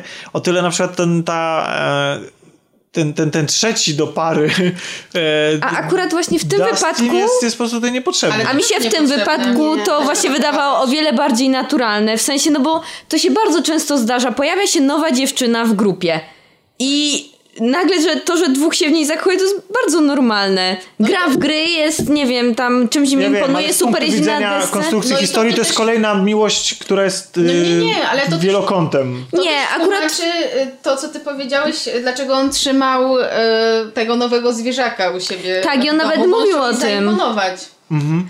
Więc akurat w tym wypadku mi się to wydaje takie bardzo życiowe i prawdziwe i normalne, no, tak, no, więc... Ja, to, tak ja to też przyjęłam. Won, e, trójkąt Nancy nie bardzo mi się spodobał. Właśnie wydał mi się taki, yy, tak jak wam mówiłam, nie, nie wierzyłam do końca w też przemianę Steve'a i to wszystko było dla mnie też na siłę, ale jeśli chodzi o ten wątek, nie miałam yy, żadnych wątpliwości i też, tak jak powiedziała Basia, dwóch chłopaków próbujących zaimponować, chociaż oni to nie byli zakochani, są jeszcze dzieciaki, zaimponować na razie tej dziewczynie i ją zdobyć. A u Destina dochodziło jeszcze to, że e, on wcześniej nie czuł się zbyt atrakcyjny. Dopiero jest właścicielem dopiero świeżo nowo wstawionych zębów e, których próbuje nimi tak. też e, Nikt tak nie umie na prawo i lewo. Jak widzimy w ostatnim odcinku, ma on nadal duże kompleksy i próbuje jeszcze zdobyć jakąś dziewczynę. Chce się on podobać innym. Więc myślę, że ta Max to po prostu jest jego taki ślepy strzał. Pierwsza dziewczyna, która się pojawiła w jego okolicy, do której on po prostu próbuje uderzać, bo chce do kogoś. Ale zaskakującym skutkiem tego nieudanego, jego czy nieodwzajemnionego zauroczenia e, Mad Max jest jego przyjaźń ze Steve'em.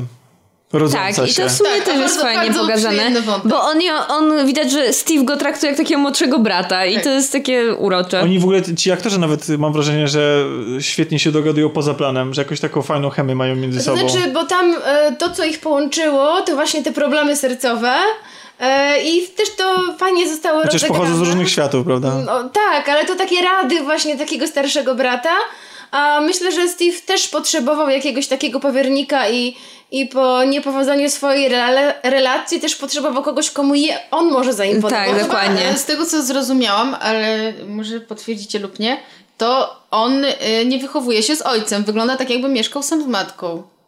Znaczy, no jego e, ojca, Dustin, Dustin tak. tak. Jego ojca tak, nie było tak, pokazane. Tak, tak, mam wrażenie, że matka z kotem tylko. I z tak, Więc może to jest jakby takie, taki jakby jego ojciec trochę. Tak, tak.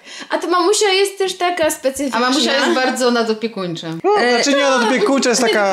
Jest taka Chociaż e, jest taka... gdyby coś zeżarło mojego kota, to mogłabym też się stać nadopiekuńczą. Myślę, że mamusia jest bardzo naiwna. Tak, ale w sensie też... Taka trzpiotka po prostu. Bez nie, wzbudza jakąś sympatię, no ale też mówmy się, nie ma jej aż tak dużo w tym serialu, żeby nie wiem, się nią zajmować, tak? To, to wróćmy w takim razie do tego trójkąta między Bobim... Bo, Bobem. Bobem. Bobem. Właśnie tak jakim Bobim? Y, Bobem. Mam jakąś wyjątkową tendencję do przekręcania akurat w tym wypadku. Czy zawsze przekręcam, Bob ale teraz... z Winoną. Z Winoną i z Hooperem. Hopperem. Hopperem. Hopperem. Hopper. Bardzo zaciekawiło mnie to, co powiedzieli twórcy w tych właśnie odcinkach Beyond Stranger Things, że e, postać Boba miała być bardzo krótka. Bardzo mała być to mała postać. On był wprowadzony tylko po to, żeby przeprowadzić rozmowę o Mr. Baldim e, z Willem i tylko po to, żeby spowodować, że Will spróbuje się sprzeciwić e, temu cieniowi. E, czy jak nazwać to, to coś, co go nawiedza.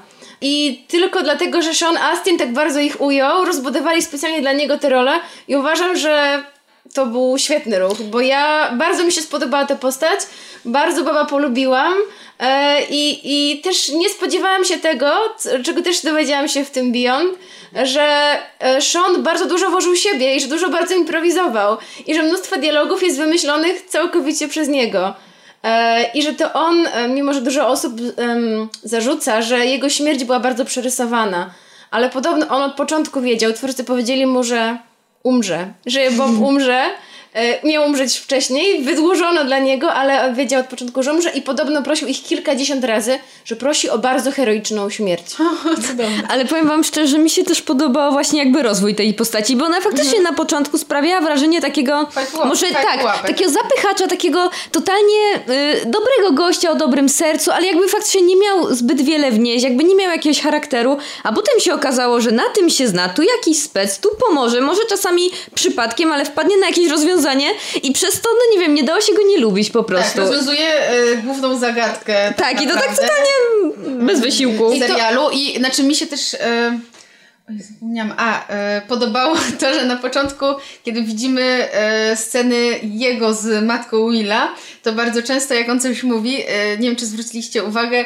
ona ma taką zdegustowaną minę, taką spolitowaną, e, nie wiem, taką... Tak, Już przestań, tak, o, tak. No. On nagle zaczyna właśnie robić wrażenie na wszystkich. Tak, i, I na nas, i na tak. innych bohaterach. Yy, I a nie wiem, znaczy jeszcze. Yy, tym... Ale wiesz, Malwina, skąd to zażenowanie? Przynajmniej tak mi się wydaje, że ona po prostu szuka całkowitego przeciwieństwa swojego byłego męża i nie, ona nie szuka teraz uniesień i kogoś, kto jej imponuje, ale kto jest stateczny. Ale coś nie wiadomo, czy... zaprowadzi spokój w jej życiu. No. Być może jest troszkę w nim zauroczony, ale chyba bardziej ale szuka takiej opieki. Bardzo ciekawa jest ta scena, kiedy Bob popycha e, Willa do tego, żeby skonfrontować się z łupieżcą umysłów i ale tak naprawdę chce dobrze. on chce mm, dobrze, ale właśnie to jest ciekawe, bo jednocześnie nie wiadomo, czy chce. On myśli, że, on myśli, że to jest tylko postać e, z jego snów, tak. ktoś wyobrażony, więc on chce, żeby dziecko się skonfrontowało, a zwykle coś takiego pomaga. Nawet widzimy często takie sceny w filmach i w horrorach takich tak. klasycznych, tak. a, a, właśnie przewrotnie po, y, okazuje się, że wręcz przeciwnie. Ale spotkałam się z tym, że dużo osób myślało, to chyba też zostało poruszone, poruszone przez że on, aktorów, że tak. on będzie złą postacią. Tak. I Piotrek... Ale ja tak samo miałam, że myślałam, mi się że wydawało. będzie zły Bob, a ja nigdy nie Nie, ja, mi, też, mi też nie przyszło... A mi przyszło, że będzie jakiś plot twist że on się okaże złą postacią. Jakimś, jakimś agentem? Tak, albo tak. Miałam przez chwilę takie myśli. No przecież sam Gamji, no jak sam. No. Mr. Frodo, on tak mówił. Ale to byłby idealny zły. No, ale Taki genialny, wiecie, tak fajtułapa, tak naprawdę ma super umysł, rozwiązuje każdą główkę, programuje. Ale wiecie, kończą... że Bob to taki, to taki jeden z naszych bohaterów chłopców w przyszłości tak naprawdę, bo on tak. opowiada, że był takim właśnie tak, nerdem. Dokładnie. No kończy fatalnie. Ale heroicznie. Ale heroicznie. Kończy w odcinku, który bardzo mocno przypominał obcego. Tak. Tak. Od, od pierwszej sceny, ach, tak mi się spodobało. Ale mi się podobał ten odcinek, ale, w sensie... Ale on też zabawny, nie, nie rozumieliście byłam się, jak to... Znaczy ja byłam jednocześnie smutna, ale to było takie, znaczy jak już jest spoilerowo, to mogę powiedzieć. Ale chodzi o śmierć Boba? Tak. E, Rozśmieszyło cię tak? To? Znaczy nie, najpierw, najpierw byłam smutna, a potem takie jak oni wchodzą i chcą go ratować i, i ten e, Hup, jak on się nazywa? Hopper. E, Hopper. Hopper. Hopper. I Hopper, Hopper tak wchodzi z tą bronią, strzela i tak o nie, dobra, za dużo i wychodzimy. To było takie, ale scena, scena była dość brutalna. ale to było i taka krwawa. Ale to właśnie było takie realistyczne, a nie, że ktoś pomimo, że tam, nie, wiem, jest milion potworów i strzela. Ja miałam wrażenie w ogóle, że on jest zazdrosny i że go, o dobra, jeszcze niepotrzebny, już nie chcę go. Ale nie wiem, czy Malwina widziałaś, pokazane były y, niewykorzystane sceny, że ta scena była jeszcze brutalniejsza, jeszcze bardziej dramatyczna, że on się krztusił krwią i w ogóle a to nie widziałam, były zbliżenia na jego rozrywane jego ciało, więc tak, chyba ale, nie wiem, tak ale rating telewizyjny... Nie wiem, czy to było potrzebne. Ale chciał jak, jak najwięcej, bo on... Y, bo to jest przykład tego i to, co dlatego jakby utwierdzam się w mojej ocenie pierwszego sezonu, że to jest przykład tego, że tak naprawdę te postacie pisane są bardzo jako archetypiczne. Ale oni o tym już mówili. Tak, i bardzo, i bardzo proste. Natomiast aktorzy się w nie wcielające sprawili, że one nabrały życia, że one nabrały jakiegoś takiego indywidualnego charakteru, że ten pierwszy sezon jeszcze bardziej dla mnie wygląda w ten sposób dla mnie jako po prostu, jako, jako pastisz po prostu, mm -hmm. a nie jako samo, sam w sobie e, serial, e, taki typowy, tak? Który jest rozpisany tam na, na, na mhm. pięć sezonów i tak dalej. E, a czy nie wydaje wam się, że wraca jeszcze przy tym Bobie, jak jesteśmy, że jego postać miała też trochę kojarzyć nam się z Goonies i tak, szczególnie kwestia rozpracowywania mhm. mapy. Tak, prawda? tak, tak, tak. I bardzo mi się też podobała ta właśnie jego kwestia, kiedy oni wskakują do tego tunelu i mówi jesteśmy w mapie Willa, czy jesteśmy w mapie Willa? I to było takie bardzo dziecięce tak. i takie naiwne. A to właśnie podobno też była kwestia dodana przez e, Shona Astina i jakoś tym bardziej go polubiłam jeszcze. Tunele i demopsy. Jak wam się podoba podbicie stawki i główny zły, znaczy główne zagrożenie, które występuje w drugim sezonie się e, pojawia? Mi się bardzo podobała ta koncepcja, że mm? Nie ma jednego potwora, z którym hmm. walczymy. No jest znaczy, taki. No jest. Ciężko to powiedzieć. Nie, ale znaczy, nie do właśnie o to inteligencję. że nie ma jednego zwierzęcia, z którym walczymy, tylko bardziej to jest takie... Siłę. Mm, jakby symbol takiego zagrożenia, które się rozrasta i ogarnia wszystko przez to, że... Wnątrza um, korytarza. Tak, tak, przez to, że jakby... Swoją drogą to miasto by się zapadało, jakby było to tak zresztą. Oj, tam Tomek, no co ty. tak powoli Aha. pod ziemią, e, wszędzie pod spodem takie to było bardzo, no takie symboliczne. No. Znaczy mi się właśnie spodobało to, plus kwestia właśnie tej właśnie inteligencji roju, odniesienie do pszczół, mrówek i tak dalej. Co jest, prawdę mówiąc, to klepanym bardzo motywem. Nie szkodzi. jest to klepany. A to ten serial Nawet stoi na Treku ostatnim, kinowym. E, mamy widzimy tego głównego sprawcę, tego czarną, jakąś demoniczną siłę przypominającą bardziej potwory Lovecraftowskie. W ogóle cała ta atmosfera taka bardziej w tą stronę zmierza. Ja muszę Cthulhu powiedzieć... Tagny. Słucham? Cthulhu Tagny. Tak. Nazywał ten główny zły, bo ja znowu Łupieżca umysłów, to znaczy oni tak go nazywają, tak. E, jeśli chodzi o mm, potwora z Dungeons and Dragons, tak. z powodu jego psionicznych, czy się psionicznych? Psi Psioniczny. Psioniczny chyba. Psioniczny. Umiejętności e, korzystania z umysłu i przenikania do umysłu, tak jak zrobił to z Willem. Ja muszę powiedzieć, że mi się nie do końca podobało. Mi się Demogorgon bardziej podobał. Mhm, i... Prawda? Nie, tak. I, Zdecydowanie. I, I podbicie stawki jest fajne, ale ja bym chciał je bardziej czuć, a teraz a nie demo jest dużo, a jest tak. jeszcze nad nim. Ale właśnie, właśnie znaczy, że bo, z jednej strony mnie... nie dostaliśmy nic nowego tak naprawdę. Nie, no jest zupełnie inny ten podkład ale... przecież. Ale chodzi o to, że my nie mamy z nim bezpośredniego kontaktu i ja bym chyba wolał, żeby on był ukryty przez cały sezon, żebym go widział w tym ostatnim tak, ujęciu. A, to, to masz rację, tak. Kiedy, kiedy się kamera Czyli odwraca. Mamy z nim kontakt poprzez Willa. No tak, ale żebyśmy mieli tylko w ten sposób, żebyśmy my go sobie wyobrażali, co to jest i żeby to zagrożenie było mniej otwarte, a bardziej ukryte, żeby nie było tam biegających e, dziesiątków czy tam naście demopsów CGI, tylko żebyśmy, żebyśmy cały czas mieli, żeby to zagrożenie o swojej skali nam, żeby, żeby skala tego zagrożenia była nam sugerowana, wtedy byśmy się mogli bardziej bać i bardziej mm -hmm. oczekiwać, co to może nastąpić. Bo niż, rzeczywiście było mniej niż grozy niż, w tej niż, części przez to. Niż pokazywana nam. Tak, masz rację, że faktycznie mm -hmm. w pierwszym sezonie y, bardziej było czuć atmosferę Dreszczyk. napięcia. Bo dłużej nie widzieliśmy zła. Właśnie to no. wynikało z tego, tak jak mm -hmm. I nie wiedzieliśmy właściwie o co chodzi. I też tak samo jak na przykład y, dużo czasu tutaj spędzamy y, w tunelach, a ja jakby byłem otwarty na to i, i chętny na to, żeby się wybrać na tą wizytę w e, odwróconym świecie upside down e, w wersji, wiecie, tej takiej spopielonej, takiej mrocznej i tak dalej. Mm. Jakby myślałem, że więcej będziemy jakby przebywać w tym świecie, który wygląda jak nasz, tylko tyle, że jest ten, ten, ten mroczny, wiecie, mm -hmm. ten taki w tym innym wymiarze. Jak, I, ale w... to, było, to jest dla mnie jakby estetycznie, wizualnie ciekawsze i przypomina mi strasznie Silent Hill. Ale jak jesteśmy okay. przy głównym złym, a rzeczywiście Silent Hill to spopielenie, ale jak jesteśmy przy głównym złym e, bohaterze, o tym łupieżcy, to jak podoba wam się odniesienie do... E, do egzorcyzmów, opętania. Dziękuję. Jak wam się podoba odniesienie do opętania, bo to jest takie klasyczno horrorowe, że tutaj się nie wiąże Ale z... ja nie, nie rozumiem, bo gdzie, gdzie to opętanie? Opętanie, opętany był... Will był Will opętany. Był opętany. Tak. No i było... A o to ci chodzi, okej, okay, e, Czyli Malwina nie widzi nawiązania. Nie, bo ja myślałam o takim opętaniu jak egzorcyzmy. Znaczy, no tak, tak naprawdę no, miała egzorcyzmy w pewnym momencie. No. Innego znaczy, rodzaju, bardziej ja to zrozumiałam w kwestii zarażenia jakimś No bo oni to tłumaczyli zarażenie wirusem, ale tak? Tłumaczyli ale wyglądało to jako pętanie, prawda? A propos tego Wyleciało świata Upside Down, o którym ty powiedziałeś, tylko jedną rzecz chciałam wtrącić, zanim zaczniemy dalej mówić, e, że bardzo mi się podobały te zagrania kamerą. E, Odwracania. Odwracania się, tak, przy, było super. Przy, tym, przy tej koncepcji, że są te dwa światy. Tak. A do opętania wracając? E, do Jestem opętania... ciekawa waszej e, opinii. Znaczy mi się to skojarzyło, ale... Mało w sumie. Znaczy nie wiem, no to generalnie jakoś mi pasowało do całości. No i już do tego wątku no nie wiem, znaczy nie, nie miałam wobec tego żadnych jakichś uczuć, że nie beznadziejne albo że o super pomysł. Znaczy... Nie, to, bo, to czy to sugerował pierwszy sezon? Przepraszam, że tak.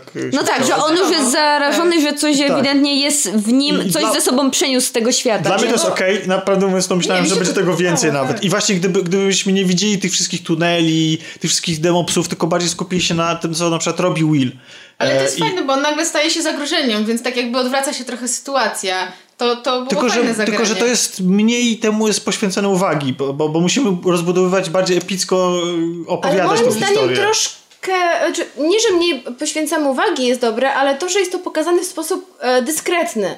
E, to nie jest jak, nie wiem, jak w egzorcyście, on, nie wiem, nie kręci mu się w głowa i nie mówi jakimiś, wiecie, takimi zmodulowanymi, dziwnymi głosami, tylko i jest tutaj zasługa tego młodego aktora i twórców, że zostało to pokazane w bardzo taki właśnie dyskretny sposób. On dopiero ty jakiś tam drgawek dostaje tak naprawdę w tym ostatnim odcinku.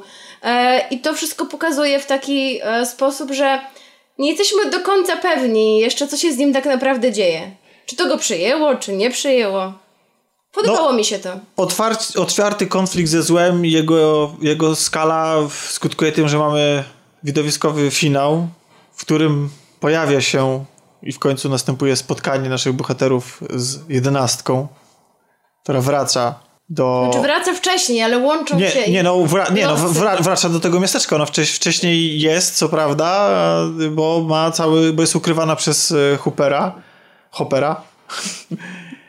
Myślę, który o ich wątku. No właśnie chciałem, właśnie chciałem się teraz zająć to jest jedenastką. wątek z tak. całego serialu. Bo dla mnie jedenastka i to, co jej dotyczy, jej wątki i to, co, co, to, co jej wątki mogą przynieść w przyszłości, to dla mnie to jest tak duży wątek, że nie chciałem tego łączyć z innymi. No dobra, ale i relacja z Cooperem, powiedzmy to, no dla mnie wspaniała. Czy w sensie chodzi mi o to, że wypadło to bardzo realistycznie. Nie było to przesłodzone i też mówi o tym sam aktor, że nie chciał zostać takim, wiecie, dobrym tatuśkiem, idealnym. Widzimy, jak ona dorasta, jak ona się buntuje, sytuacji, w której jest postawiona, a ona też nie, nie była tak jak my wychowana w domu z rodzicami, więc też nie wie, E, jak powinna się w stosunku do niego zachowywać, a on tak naprawdę pełni rolę jej ojca. On też sobie nie radzi z tą sytuacją, stracił swoje dziecko. I poza tym też jest postawiony przed faktem dokonanym, to teraz mam córkę. No i dlatego ją też tak bardzo chroni, ponieważ. Chroni ją bardzo, stracił. chce jej dobra i to wszystko napędza ten cały ich konflikt który moim zdaniem jest rozegrany bardzo realistycznie. Przypominał mi moje trzaśnięcia drzwiami i moje konflikty -hmm. z rodzicami, jak ja się darłam. Tylko, tylko że nie miałaś mocy. Właśnie chciałam powiedzieć, że u mnie okna nie wybuchały. A właśnie, bo ta scena e, było powiedziane, że naprawdę została nagrana, że okna zostały naprawdę... Tak, tak, e, bardzo mi się to spodobało. Rozwalone. Dlatego on stał tyłem, żeby ja się stała mu się krzywda. A i tak mogło, mogły mu te szyby wlecieć przecież gdzieś e, no. na twarz. To, to jest niebezpieczne bardzo. Bo chociaż w ukryciu przed światem, to jednak e, jedenastka się rozwija i mam wrażenie, że rozwija też swoje moce i staje się coraz bardziej dorosłą X-menką. Chyba też e, troszeczkę szersza, bo ciągle je gofry. E, tak? Właśnie, właśnie to jest chyba, to ja, ja, mi się wydaje, że... To, się żyje ja, mi, ja mi się wydaje, że to jest jej chyba najlepsza moc, czyli może jeść gofrów ile chce, a, a, a nie tyle. dorastanie się tak spala szybko, że... Zwłaszcza jeśli wykorzystujesz, e, jeśli często krwawisz z nosa. Ale czy ona po prostu myślę, że tak dużo spala kalorii, wykorzystując te swoje moce, że może Jasne. jeść wszystko. No ale z, z Hooperem się e, ostatecznie kłóci i udaje się w podróż, żeby odkryć swoją własną przeszłość, żeby dowiedzieć się prawdy o swojej matce, co prawdę mówiąc, moim zdaniem było zupełnie niepotrzebne. To Bo znaczy... w sumie było powiedziane już w pierwszym sezonie. Ta matka też już się pojawiła. No tak, no i już ten... I jak bardzo to było inne od tego, co widzieliśmy wielokrotnie i nawet to Nic nie jest... No... specjalnego. I... To znaczy to był ten łącznik, żeby ona um, mogła... Znaleźć swoją znaleźć, siostrę. Znaleźć swoją siostrę. Przyrodnią. To też było Właśnie. Czyli to mógłby być origin, tak naprawdę jej super znaczy, Ja byłam zawiedziona, jeszcze wracając do matki, to ja byłam bardzo zawiedziona tym wątkiem, bo ja mia... E, no bo czułam takie, no jakby ona bardzo tego pragnęła, żeby ją spotkać, a tak naprawdę nie ma między nimi nici porozumienia, tak jakby ona ogląda jej umysł tak jak album ze zdjęciami. Mhm. To znaczy widzi jej wspomnienia, ale jakby ich umysły się nie łączą i nie ma tego, tego jakby takiego połączenia tej matki i córki, dlatego czułam się troszeczkę rozczarowana. Ale czy wiesz co, okej, okay, tak, bo to jest, no ale myślę, że jedenastka była bardziej rozczarowana ale to nawet. Ale to celowy, tak. wiem, że to było celowe, mi się, mi się, ale ja jako mi się, mi, się, mi się to podobało. Znaczy, y, podobało mi się to, że w taki sposób, że cały wątek był moim zdaniem Chociaż niepotrzebny. ona komunikowała, no bo zapalała te lampki, więc chyba wydawało się, że ona wie, że ona tu jest. No i mama ją niestety naprowadziła. Na Ojej, wątek, tak, który mi się nie spodobał. Czyli na, na siódmy odcinek. Fanów, e, tak, przez mamę. Słuchajcie, ten, to jest odcinek właśnie, który totalnie też mógłby być wycięty moim zdaniem. Mogło być 8 odcinków i... Bo ja bardzo Bo bym tutaj, chciała. A Tomek tutaj... co się dzieje w siódmym odcinku. Tomek by chyba chciał, żeby to ewoluowało w stronę jakiegoś, nie wiem, X-Menów, Heroesów. Tak, bo w, A ja bym bardzo nie bo w siódmym odcinku y, jedenastka spotyka swoją siostrę po mocach po laboratorium która posiada też inne zdolności, chociaż on, jej zdolności ograniczają się do stwarzania iluzji. E, graną przez Hinduska, to jest y, aktorka? Tak. Hinduska. Czy ona gra? Tak, nie, nie wiem. Tak, żyjącą, żyjącą, żyjącą wyjętą spod prawa, jako wyjęta spod prawa z bandą panków, jakiś tam... W komunie, w, w, magazynie. Tak, w takiej pankowej komunie e, dziewczynę, która się chce zemścić, dokonać zemsty za to, co zostało na nich zrobione, znaczy na niej i na jedenastce, czy wtedy jeszcze jedenastki nie znała, ale w sensie to, co e, nie, to za te wszystkie eksperymenty, na znaczy, które... Znała na które ją były... jako dzieci się znała. Tak, no tak, ale chodzi o to, że nie wiedziała o jej istnieniu, tak. Mm. Chodzi o to, że chciała się zemścić na te, za te wszystkie eksperymenty, które na niej i innych dzieciach przeprowadzano i jakby prowadzi w swoją własną vendetta, ci reszta zespołu im w tym e, pomaga, jej w tym pomaga. Ja powiem tak, to jest bardzo kontrowersyjne i ludziom się ten, ten, odcinek nie podoba, bo on jest tak totalnie inny klimatem od wszystkiego innego, co mogliśmy... Z czym się kojarzy nam Stranger Things. Tymczasem... To by się podobało. To znaczy nie, ja sobie Tomek pomyślałem... Powiedz, będziemy kłócić się jak skończy. Tak i tymczasem mi się to bardzo podobało. To znaczy, okej, okay, realizacja mi się nie do końca podobała. Tomek, ale chcesz kolejny super bohater. Nie daj mu skończyć, bo jestem ciekawa. No. Bo ja też jestem ciekawa, co powie. Tak. Bo dla mnie, gdyby poprowadzono, w ogóle by, byśmy zapomnieli w ogóle o tym miasteczku, nie, nie kontynuowali w ogóle tych wątków, tylko skupili się na jedenastce, która ma swoje przygody w wielkim mieście, jedenastka L w wielkim mieście, która rozwija swoje moce i gdyby serial skręcił na przykład i dzięki temu zabrano z wycieczkę po filmie, po kinie lat 90., który mógłby być bardzo właśnie kiczowaty, który mógłby być właśnie, y, który nawiązywać do wszystkich, do kina superbohaterskiego lat 90., to byłaby dla mnie perfekcyjne kontynuacja Stranger Things. to, to znaczy... byłaby kolejna Jessica Jones, moim zdaniem. Nie, ale Tomek, znaczy... to wszystko, co ty mówisz, to jest to, co ty sobie dopowiadasz, a, a nie to, co dostaliśmy, nie, więc... Ja wiem, dlatego właśnie mówię, że On dlaczego... Mówi, co by wolał. Co bym wolał no i dlaczego, dlaczego mi się ten odcinek podobał, bo był dla mnie takim, taką niespełnioną obietnicą, a ewentualnie zapowiedzią tego, co mogłoby być i tak dalej. I, i to, bo realizacyjnie to tam było masę błędów i, i jasne, on nie był do końca wygrany, natomiast oglądałem go i mówię, kurde, a gdyby cały, cały drugi sezon był tak... Nie! Ja mam przesyt super bohaterów po Słuchajcie, prostu. Po prostu ja, ja nie wiem, tak jak powiedziałeś na początku, że ja tak naprawdę nie chciałem chyba wracać do, do, z powrotem mm. do lat 80. Być może chciałem coś innego. Coś nowego, ale właśnie wiesz o co chodzi, Tomek, że to był jeden odcinek totalnie wyjęty, ja rozumiem, to było tylko jakieś tam znalezienie siebie, siostry, rozwinięcie swoich mocy.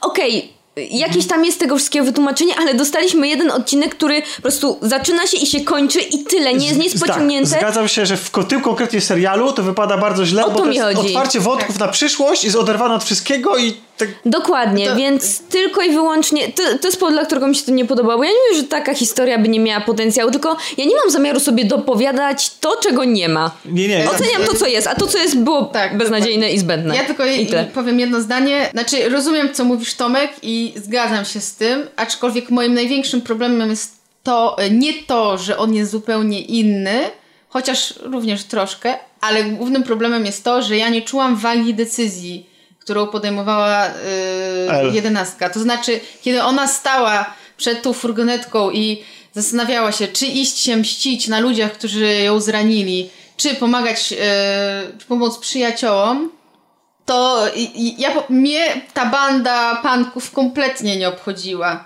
I, i, i ta, yy, i ta hinduska, ojej, to jest ósemka chyba, tak? Tak. I ósemka i, i, i ta cała banda kompletnie nie czułam do nich e, żadnych emocji i miałam ich gdzieś i jakby w ogóle ten wątek może i nawet jest ciekawy, ale gdyby został rozwinięty w taki sposób, że ja bym więcej czuła do tych ludzi. Bo musiałabyś ich więcej no poznać. Właśnie, tak, zostało to, to wtedy, to wtedy bym czuła wagę tą, tej decyzji i wtedy ten wątek stałby się ciekawszy. A tak on, on był po prostu pusty. Masz stuprocentową rację. E, Zgadzam się. Za że... krótko było. Znaczy, ale my się wszyscy zgadzamy ze sobą, jakie to jest super. Nie chciałabym tak długo może tam gościć, ale z drugiej strony nie poznałam na tyle tych bohaterów, żeby ich polubić. I ja po prostu no w tym momencie myślałam, dobra, zostaw już ich szybko i wracaj, bo chcę wiedzieć, co będzie dalej w tym tak. miasteczku. Właśnie poczułam się nagle źle, że jestem gdzieś zupełnie indziej. Też ponieważ na akcja na razie pojawiła się, e, przeniosła się do wielkiego miasta, a z drugiej strony jej nie pokazywała tego wielkiego miasta, to czuła się w tych małych uliczkach. I skojarzyło mi się z jakimiś nisko Na torowisku, gdzie El się staje Jedi. No więc właśnie skojarzyło mi się z jakimiś niskobudżetowymi serialami o ludziach w supermocach, e, z niedawnymi, e, średnio udanymi Defendersami i jakoś e, ten klimat zupełnie mnie odepchnął. Jednego z wielu rzeczy, których na pewno nie można powiedzieć o Stranger Things, to jest to, że on jest biedny budżetowy. Tam kasa wylewa się z ekranu znaczy, strumieniami. Odcinek, tak nie, w ogóle, w ogóle. To znaczy, ja mam wrażenie, e, tak mi się wydaje, że spadek totalny zjazd jakości produkcji Marvela dla, z Netflixem. Mhm e, jest spowodowane tym, że pieniądze, środki e, zostały przerzucone na, na Stranger Things. Że to jest ten, ten flagowy serial dla nerdów, bo i wizualnie jest przepiękny, i technicznie, nawet CGI jest, jak na telewizji, jest bardzo dobre. Jest bardzo dobrze przemyślany. Jest fenomenalna scenografia jest dbałość niesamowita o detale typu e, to, że w tym, e, w, w tym roku były przeprowadzane wybory prezydenckie i że jedni... Tak, widzimy te tabliczki, kto kogo popiera. Mhm, tak. To po prostu cudowne było. Jesteśmy zatopieni w ten świat totalnie i nawet jeśli to jest takie ładne, teledyskowe trochę, to jednak czuć ten klimat lat 80. Oni odrestaurowali e, jakieś tam pomieszczenie, budynek gospodarczy po to, żeby zbudować tam e, salon arcade z e, automatami do gier wideo. Tak, z pralni chyba. Tak. Ścieżka dźwiękowa, która moim zdaniem jest trochę za głośna względem dialogu, właśnie tak jak tutaj to chyba, nie wiem czy to Marcin rzucił w naszym prywatnym czasie taką uwagę, po to są tak głośno te piosenki grane względem dialogu w filmie, żebyś czuł, że licencja, że licencja jest zapłacona. Ale nawet o tym wspominają twórcy, którzy mówią, że bardzo duża część budżetu poszła na licencję na, do piosenek. Na piosenek. Bo to są prawdziwe hity. Tak, które się pojawiają na śnieżnym balu, Snowball. A nie tylko na balu. Tak, y, kończącym cały sezon, ale do tego balu jeszcze sobie wrócimy na sam koniec. Natomiast, y, natomiast no, nie wiem, no, dla mnie odzorowanie tych lat 80. jest perfekcyjne tutaj i całego tego klimatu i, i to, to, to na pewno widać, tylko tylko ja z kolei to już widziałem w pierwszym sezonie. No. I pytanie, wiesz, znaczy ja rozumiem naszą nostalgię, że jakby i absolutnie szanuję, że ktoś chce, chce to kontynuować i wracać do tego świata i tak dalej, tylko tłumaczę swoją swoją może mój, swój, mój aż tak brak e, podjarki e, tym faktem. I, I trochę jak, e, jak się pojawiał, jak jesteśmy przy grach wideo, mi się wydaje, że ta papierowa RPG, które było wcześniej, odgrywa chyba większą rolę, rolę raz, że spaja klamrą. większą klamrę, klamrę, klamrę, I pozwala na taką interpretację, że właśnie, że to może się. Może to gra. Tak, może to, jest, to, wszystko jest grą ich, ich wyobraźni. Tymczasem tutaj mamy gry wideo, które w tym, w tych pogadankach o Beyond e, możemy dowiedzieć się... Jakieś do... odniesienie Tak, że, że, możemy, so, możemy sobie, e, możemy się dowiedzieć, dlaczego twórcy wykorzystali akurat e, Dig Daga i... Czy Dig Dug w sensie tematycznym, bo chodziło tak. o tunele, a Dragon Slayer, bo to chyba była pierwsza gra jednego mm, z tak. braci i strasznie długo i y, bardzo go... Y, i, tak. Długo nie mógł wygrać i strasznie długo męczył tę grę. Ale tam jest też motyw walki o kobietę, jest tam też księżniczka piękna, więc... I szkoda tylko, że szkoda tylko, że to jest y, że to jest tylko sprowadzone do takiego, do takich motywów, takich gimików z tych lat, wiecie, żebyśmy mhm. widzieli, że tak, kiedyś były salony gier i tak dalej, a nie jest, bo ja, ja na przykład myślałem, że, że tak jak pierwszy sezon mogłem sobie porównać do RPG, to ten będzie bardziej, bardziej skonstruowany jak gra wideo na przykład. Wiecie, że, będzie, że, że będzie tych nawiązań do gier wideo więcej. I wtedy na przykład to rozbudowanie tego, że musimy na przykład pokonać nie jednego um, wroga, który jest super silny, ale kilkadziesiąt i tak dalej, ma, miałoby więcej sensu i że nasi bohaterowie na przykład mogliby, nie wiem, nagle by się okazało, że to jest zginął, ale powrócił i, i wiecie, No że, ale że walka więcej... z bossem była. E, walka z bossem, tak, na końcu walka z bossem była, tak, to prawda, to w pełni rozwinięta. Mało spektakularna, tak swoją drogą. Też mam takie wrażenie. Nie, no. nie, nie, na mnie nie zrobiła wrażenia. Nie, no właśnie. Chodziło o zamykanie wrót tak, przez jedenastkę? Tak, tak, tak. Króciutkie. Było... Na mnie zrobiło wrażenie. Ja myślałam właśnie, że to się dopiero zaczyna, a to już się skończyło. No, wiesz. No to... Znaczy, z jednej strony może dobrze, że nie było jakichś fajerwerek, ale... Fajerwerków. Ale, ale no wiecie o co chodzi. Ale wiesz, ale w odróżnieniu od na przykład Tora, o którym rozmawialiśmy wcześniej, to tutaj te akcje, chociaż e, mniej efektowne, to jednak e, były emocjonalnie takie nacechowane, bo jednak e, jedenastka... No to na pewno. Że aktorka, która ją gra, świetnie się moim zdaniem nadal sprawdza w tej roli. Nie wiem, jak wy ją odczytujecie. Dla mnie ona... Dla mnie, ona... Nie, ona... Mnie się podobali tak mi się podobała dziecięcy bardzo. Tak mi się podobała w pierwszej części, to tutaj tak samo, więc... Znaczy jak to jak grała. Bo wątki, no to już wyraziłam I, swoje zdanie. I to jest, to jest najciekawsza postać e, z całego, z, całego serialu. No i ona jest... No bo jest, jest najsilniejsza, jest, jest, jest najbardziej inna i tej um, doświadczanie naszej rzeczywistości jest ciekawe, tak? To, to mi przypomina trochę taki film Hanna też wytwór, gdzie Tak, a ten film miał taki potencjał, znaczy już go bardzo dobrze nie pamiętam, z Anią go razem oglądałyśmy i tak, nie wiem, przez trzy czwarte filmu wow, wow, wow. Ostatnia końcówka po prostu, pamiętam, że totalnie nas rozczarowała. Yy, walka z Kate Blanchett. Ale... bo tam też w filmie, bo tam też zło gra Kate nie pamiętam dokładnie o co chodziło w tym filmie już teraz, bo to było parę lat temu, ale pamiętam, że tak jak się dobrze zapowiadał i muzyka się nam bardzo podobała. No aktorka, no która to... grała Hanę już jest dawno dorosła. No tak, tak, no to...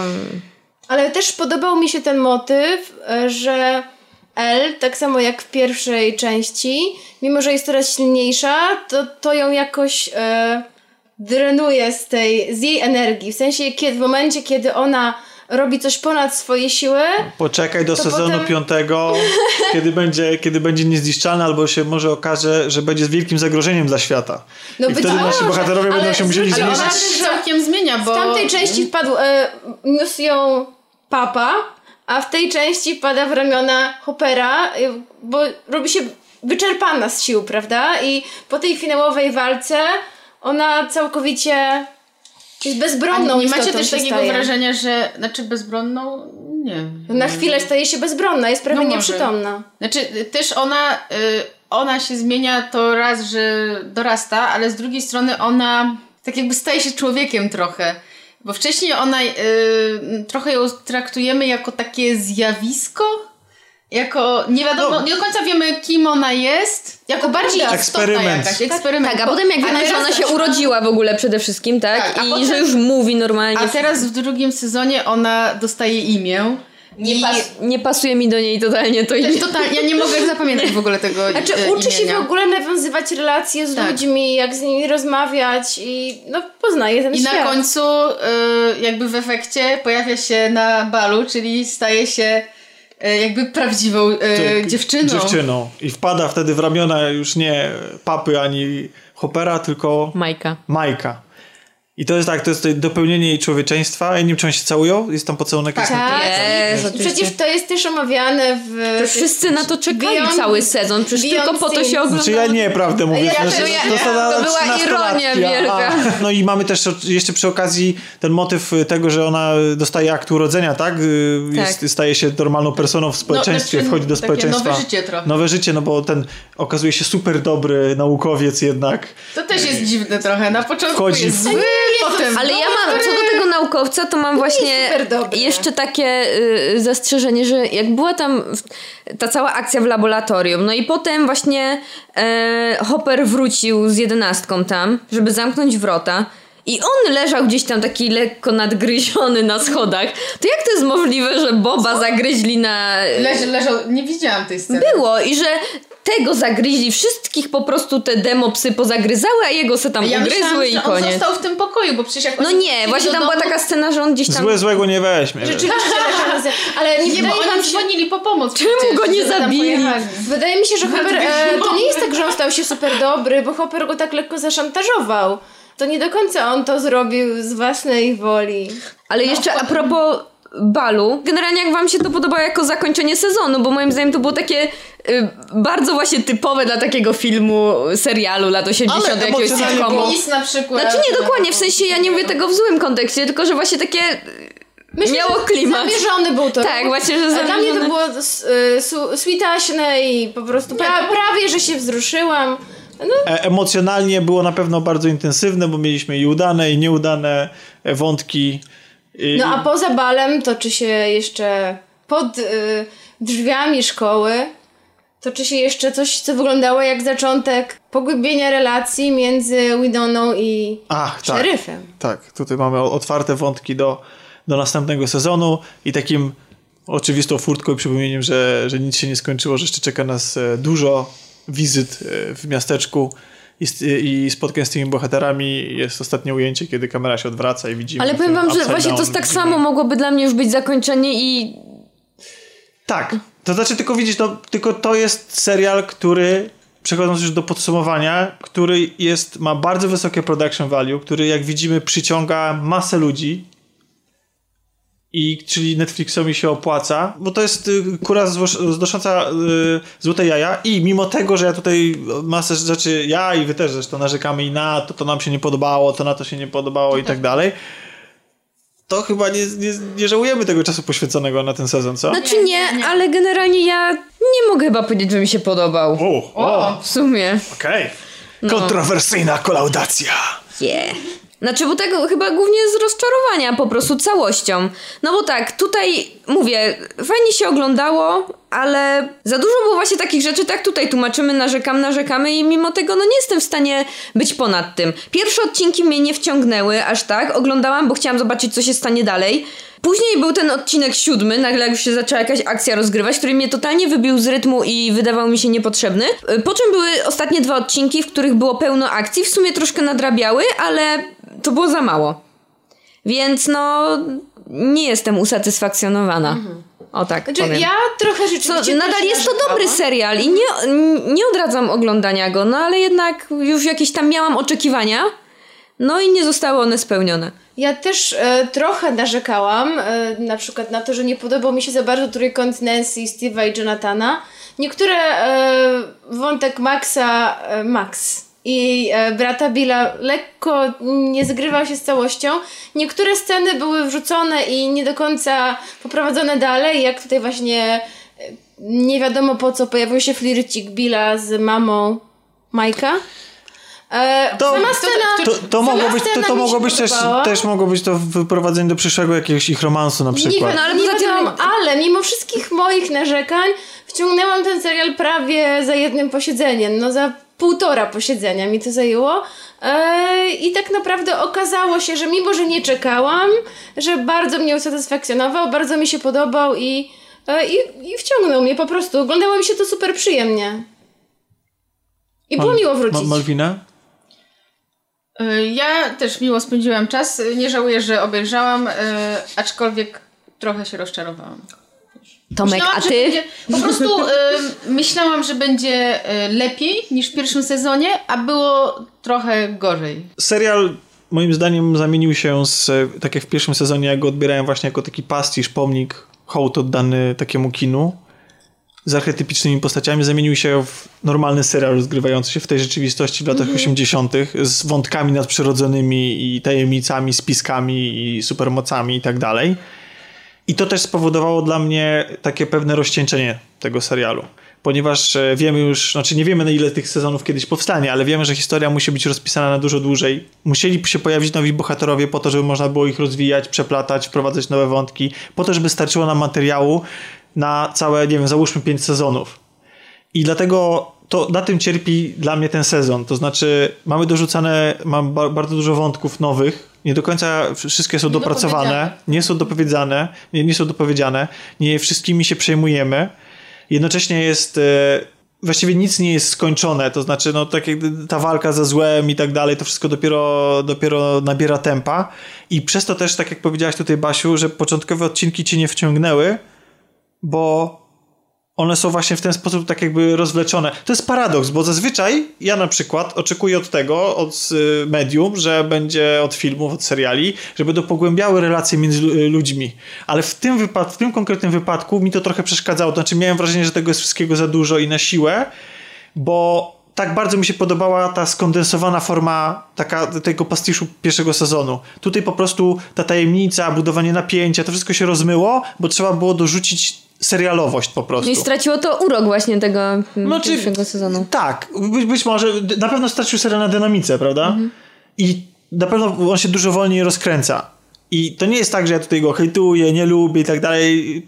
Dużo rzeczy mi się nie podoba, ale to znaczy, że ja uważam ten czas za stracony, bo obejrzałem go i obejrzę też trzeci sezon na pewno. Po prostu widzę, dostrzegam jego wady i dlatego może jakoś tam nie pieję zachwytu, ale uważam, że to jest nerdowy, najlepszy serial, co, jaki oferuje Netflix. To znaczy, widać tam naprawdę bardzo wysokie production value. Widać też, że twórcy bardzo się przykładają do swojej roboty. Że to jest, to jest o kilka poziomów y, wyżej ten serial stoi niż to, co nam serwuje Netflix z Marvelem razem. No tak, bo oni jakby widać. Yy po prostu ich serce, że to jest ich o, klimat. Dokładnie. Widać dokładnie. też, e, właśnie chciałam powiedzieć, że, e, że to jest trochę też o nich. Tak. Oni też uchylili bracia Duffer rąbka tajemnicy, że oni byli takimi właśnie niedostosowanymi społecznie kolesiami e, i myślę, że właśnie wkładają w to dużo siebie, swoich jakichś prawdziwych emocji i przeżyć. I znaleźli się tego odbiorcy, są ludzie, którzy chcą tam wracać, więc absolutnie nie mam tego za złe i to jest super. Ja też wrócę chętnie i do tych bohaterów, i do tej historii. E, za rok mam nadzieję, że będziemy mogli obejrzeć kolejne, żeby się dzieciaki nie zastarzały za bardzo. Mam nadzieję, że to się nie rozlecie tak jak produkcja Gry o Tron. I że, że... O, ale będą trochę dorastać, no i nie da się tego zahamować. Tak. I no i cóż, i, i, tak jak powiedziałaś, Kasiu, widać, że w tym jest ogromne serce, zaangażowanie i że to nie jest robione, że to jest robione z pasji po prostu. Dokładnie. Kolejny sezon yy, na święta. Na święta? Tak. I Mroczny Bałwan, tak? Yy, no... Nie, bo jakoś tak zawsze wypada, że w święta a, że, że nie, no, że nie, no następny sezon to będzie... Ale za rok. Za rok, za to rok, będzie znowu Halloween. No, tak, tak. Halloween. Nie, a właśnie mam wrażenie, że może na przykład okazać się, że będą święta Bożego Narodzenia. A, to a, też możliwe. I Grinch, będą walczyć z Grinchem. Stranger Things e, jest dużo serca, Mam nadzieję, że w kolaudacji też e, czuć dużo naszego serca. Jej. tak, e, a to, to, to hasło oznacza, że zmierzamy ku końcowi. Dziękujemy bardzo Wam e, serdecznie za wysłuchanie. Zapraszamy na naszą stronę wszystkogra.tv, na naszą grupę wszystko gra na Facebooku, na nasz fanpage Wszystko gra. I mam nadzieję, że będzie petycja, aby powrócił Bob z zaświatów. Coś wymyślą. Sklonują go albo coś. będzie ciężko strzyć ten rozpór. Może będzie w Upside Down na przykład. Tak. Przepraszam, że przeżywam, ale nie, spoko. Bob w moim ja sercu. Jak Ripley się pojawiła w czwartym obcym, to Może wszystko on będzie możliwe. tym złym w trzecim sezonie. Dun, dun, dun. Za daleko to zeszło. Dziękujemy jeszcze raz za wysłuchanie. E, mówili do Was wcześniej Ania i Alek, którzy się już pożegnali, oraz Basia. Cześć, papa. Malwina. Na razie. I Kasia. Ahoj. I ja, Tomek. Do usłyszenia, papa. To był krecik. To achio! Achio!